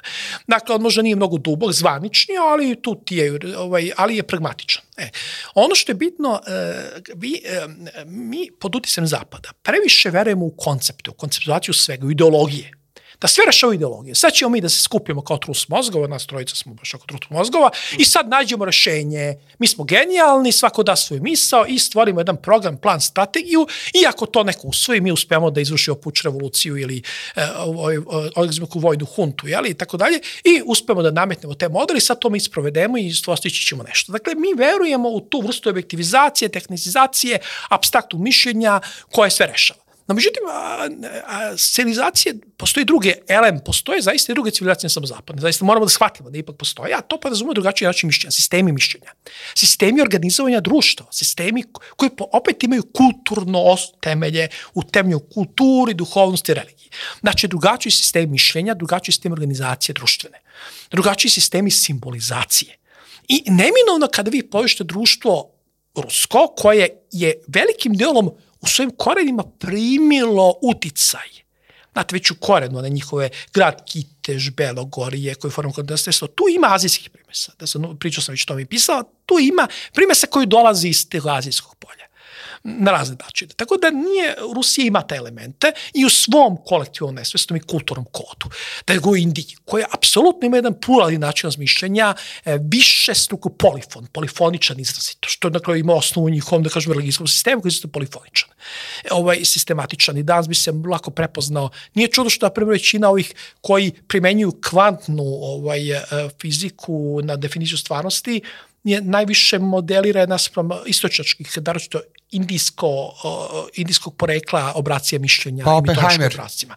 Znači, to je vrlo često. Dakle, mnogi to, to se prosto podrazumeva. Pred nego s ovim hjerarhijskim mono, mono, mono, monoteističkim ovim našim, jeli, bar na prvi pogled, to je sad dugova tema. Naravno, Kina kao opet postala civilizacija koja se počiva na onoj harmoniji, ravnoteži harmoniji, podnebeski harmoniji, jednog sveopšte kišobrana koji pokriva nešto na nivu, koji objedinjuje ljude na nivou koji je znatno ispre, iznad, da kažemo, onoga što mi por, po, potenciramo, odnosno zovemo etničkim, nacionalnim i čak religijskim. Tako da vi kad grupišete u nekoj bazi interesno je, bilo ona samo ekonomska, odre i stvorite jedan interesnu grupu zemalja koji su okupili u knjih zajedničicija, makar oni bili čisto ekonomski, mi, po, vi naravno spajne ljude koji primenjuju sobstveni drugačiji način razmišljanja od zapada, koji jeste polifoničan, jeste drugačiji i naravno zato mnogi kažu, pa znate, nećemo mi sad da, da nas Kina pokori kao što i Amerika, šta ćemo dobiti? Pitanje da li ona želi, ne zašto krizi dobri, nego da li u njihovom kodu postoji želje da vladaju cijelim svetom načina u koju kodu Amerikanaca postoji. To je veliko pitanje. Ne znači da su ovi good guys, ovi bad guys, da se razumemo. Da su kinezi divni, ne nego samo govorimo da oni razmišljaju drugi, na drugi način. I ono što je, što je rečeno, mi vidimo razorne posledice zapadnog uplitanja u odnose svih. Ne iskupljuje ni Izraelce, ni Arape, ni nas ovde bedne, ne iskupljuje to što nam se dešava ili što nam se dešava, ni malo. Ali se da je to neko upravo prste u sve to. E, e, vi vidite da prvo da kada, na primjer, Kinezi u Africi deluju, pa i Rusi u nekim delovima Centralne Azije i tako dalje, pa vidimo i na Bliskom istoku, da se može delovati drugačije i da može se delovati na neki drugačiji indikretivnim odnosima. Bitno je kako vi integrišete, kao na osnovu čega integrišete sobstveno društvo i na osnovu čega integrišete razne saveze. Koji su vaši integrativni principi? Oni mogu biti folifoni. Pazite, mi napravo kao Srbi. Mi smo neminovno ulazimo potencijalno neke potencijalne integracije sa drugim Slovenima, jer smo slovenski narod ulazimo u druge, u neke relacije sa pravoslavnim to se ne mora uvek seća, nisu se slavni pravoslavni. Zatim, kao Srbi, neminon ulazimo u, integre, u integraciju sa svim Srbima gde god živeli. To je jedan integrativni princip. Možemo i kao Južni Sloveni, tako što je već rađen, ili Jugosloveni, da se integrišemo. Možemo imati razne principe integracije. I oni određuju ono što mi želimo. I mi mnogo, to je jako važno, ponovit ću, mnogo i dalje mislimo i krivimo, kažemo, nemaju Rusi neku ideologiju, nama fali ideologiju, nije svoju ideologiju abstraktnom sistemu mišljenja koji će biti popuno dovršen. Postoji nešto u onome što je duboko fundirano, što je nekada nesvesno i koordinisano. I što je juče rekao jedan sagovornik koji neće imenuti ne, njegovu ovaj, dozvolu, pa ne bih želao da sad on to kaže, pošto nije rekao javno, ovaj, jedan pametan momak iz Crne Gore, ovaj, rekao, znate, mi nekad kad delujemo povezano, mi ovi mlađi ljudi kojima se ja divim, koji su koordinisali razne stvari ovaj, na svesrpskom prostoru, kaže, mi nekad radimo iste stvari ne dogovarajući se, a uradimo zapravo isto. Nismo se dogovorili, nismo nekakva konspirativna mreža, nego radimo on radi isto. To svedoči da smo i dalje narod. Da smo i dalje narod. To je ključno. I, a kad vidite da Rusi rade nešto, ili Kinezi rade nešto, i postoji nekakva želja gotovo podsvesna i e, jedna vrsta želje gotovo podsvesni, gotovo nagonske da se stvari nekako integrišu, tu imate snagu, a ne u abstraktnim ideologijama koji će neko da donese sa strane i nametne. Znači, ta vrsta organsko, često ideologije to presetio što smo na slučaju sa komunizmom i tako dalje. Dakle, bitno je da mi funkcionišemo kao narod, da postoji taj unutrašnji tok koji nekada nije vidljiv i koji nekada zbunjuje. I koji mnogo zbunjuje, na primjer, i kad je u pitanju sadašnja ruska strategija i sadašnja kineska ili bilo čija strategija, to ne znači da su te strategije dobre, loše i uvek da funkcionišu. Naravno. Ali nama je naš kolektivno nesvest identiteta, naše kulturo pamćenje, koje nas nekada pokreće da radimo prave stvari, da bismo sačuvali svoj dubinski identitet, samo poštovanje, samo vrednovanje, najvažniji. I naravno da je to bitno artikulisati, ali to se ne može uvek artikulisati ni partijskim programima, ni ideologijama. Treba artikulisati jer artikulacija znači ono što je komunicirate. Mi moramo govoriti nekim jezikom, jezikom govornim, jezikom pojmova, da bi nas ljudi koji ovo slušaju razumeli, jel tako? Ne možemo govoriti sa nekim izmišljenim jezikom, ni govornim, ni jezikom pojmova. Znači, spoznajnim epistemološkim okvirom. Moramo imati nekakve, da kažemo, zajedničke reperne tačke. I kad vi pogotovo se angažujete direktno u političkom životu, morate imati konkretne ideje i konkretne poruke. Ali moramo motivisati. I zato je, šta je naša najveća znači neprijatelj? Ne Amerika, ne vanzemaljci, ne konspirativne strukture, neki ljudi sa čudnim prezimenima i čudnih porekala, nego defetizam. Znači, naš neprijatelj je svako ko širi defetizam i nisko samovrednovanje. Kad uočite da neko, a bojim se, da ovde to rade i ljudi koji to ne bi smeli da rade, a koji upravljaju državom, šire defetizam, defetizam ne znači jedno normalan staloženi realizam u politici. Mi moramo da prihvatamo kompromiserstvo do izvesne mere, staložnost, samotežu, sve u redu. Ne mogu sve da bi sve ok. Ali kad vidite da neko simbolički, govorno, da bilo koje, mimikom čak, snuženo mimikom, znate, govori snuženo, vi ti sad pričaš lepo, mi ćemo ovo, mi ćemo ono, ali mimikom, go, jednom depresivnom mimikom sugerišeš da u to ne veruješ, da u tebi nema žara, Znači, mi moramo da sačuvamo, ne smo pa su defetizam, u depresiju, nama je to neprijatelj i moramo da vratimo žar u očima. E, ja to vidim, ja kao kažem, nemojte to, eto, da kod vas dvojice, vidim, kad gledaš, evo sad tebe vidim kroz dvoje gledonke, da imaš, da ti sve Dra, oči. Dražinke, dražinke. Da imaš, e, da vidiš, da imaš neki žar u očima. Znaš, znači, Pasio, da, e, to, pasionat. Znači, je to pasionari, kao da. kod ovaj, gubiljeva, je to, to. Znači, neki pa neki žar u očima, neku energiju, dakle, i to će nešto stvoriti, naravno da mora se artikuliše. Ali artikuliše se tako što artikuliše se vremenom, samo stvaranjem formacije, da se ljudi rade nešto, okupljaju se, artikulišu neke ideje, rade neke stvari, neke podcaste, neke skupove, neke tribine, neke akcije, neke peticije ako treba, neku infiltraciju u institucije, neke saradnje i tako dalje, to se tako radi i onda preuzimate postepeno... Na mikronivou pa onda... Na mikronivou i onda preuzimate ne samo da dolazite da govorite da smo mi bezdažni slučaj, da je vlast ovako ili onako, da smo i nego ajmo da preuzmemo odgovornosti, da ne padamo defetizam i da se postepeno ljudi koji mogu nešto da urade infiltriraju da treba se infiltrirati demonstriraju i da deluju javnosti uh, kao ovaj, uh, jedna vrsta pritiska na one koji odlučuju i mogu da odlučuju, da bi stvari vodili u nekom mnogo boljem nivoa koji ne podrazumovi, koji se ne može stvariti defetizma, ali moramo da se vratimo na temelj stvarlaštva. Znači, nešto stvaramo, nisam da budemo protiv nekoga, nego da stvaramo život nama po našoj meri.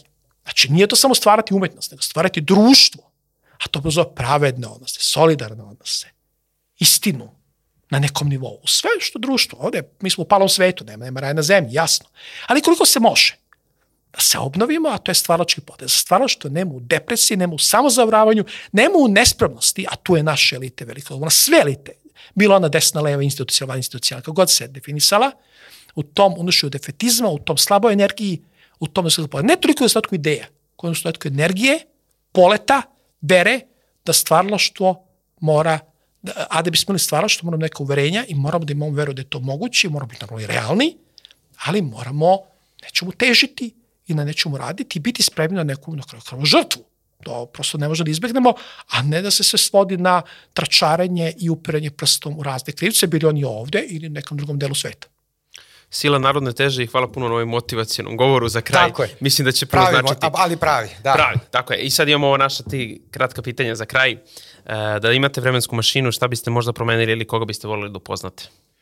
Pa to je uvek teško pitanje, ovaj, uh, ovaj, verovatno sad neko će reći kao vole se vratim u svetu zemlju ovaj, u vreme kad je Hristos hodio zemljom, ali verovatno ne, ne znam, verovatno ako bi to rekao, verovatno bi bio licemeran prema samom sebi, rekavši da verovatno nije bio, bio među onim koji ne bi u tom čoveku skromnom prepoznali ništa više od čoveka.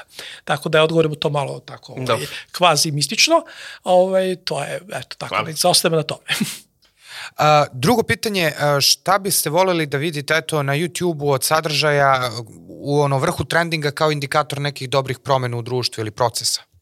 Pa volao bih mlade ljude koji imaju to, to, to sijanje očima koji nešto pričaju sa verama, ne usakle, depresivne i kompromisne. Tužno je gledati mladog čoveka koji je pretredno konformiran.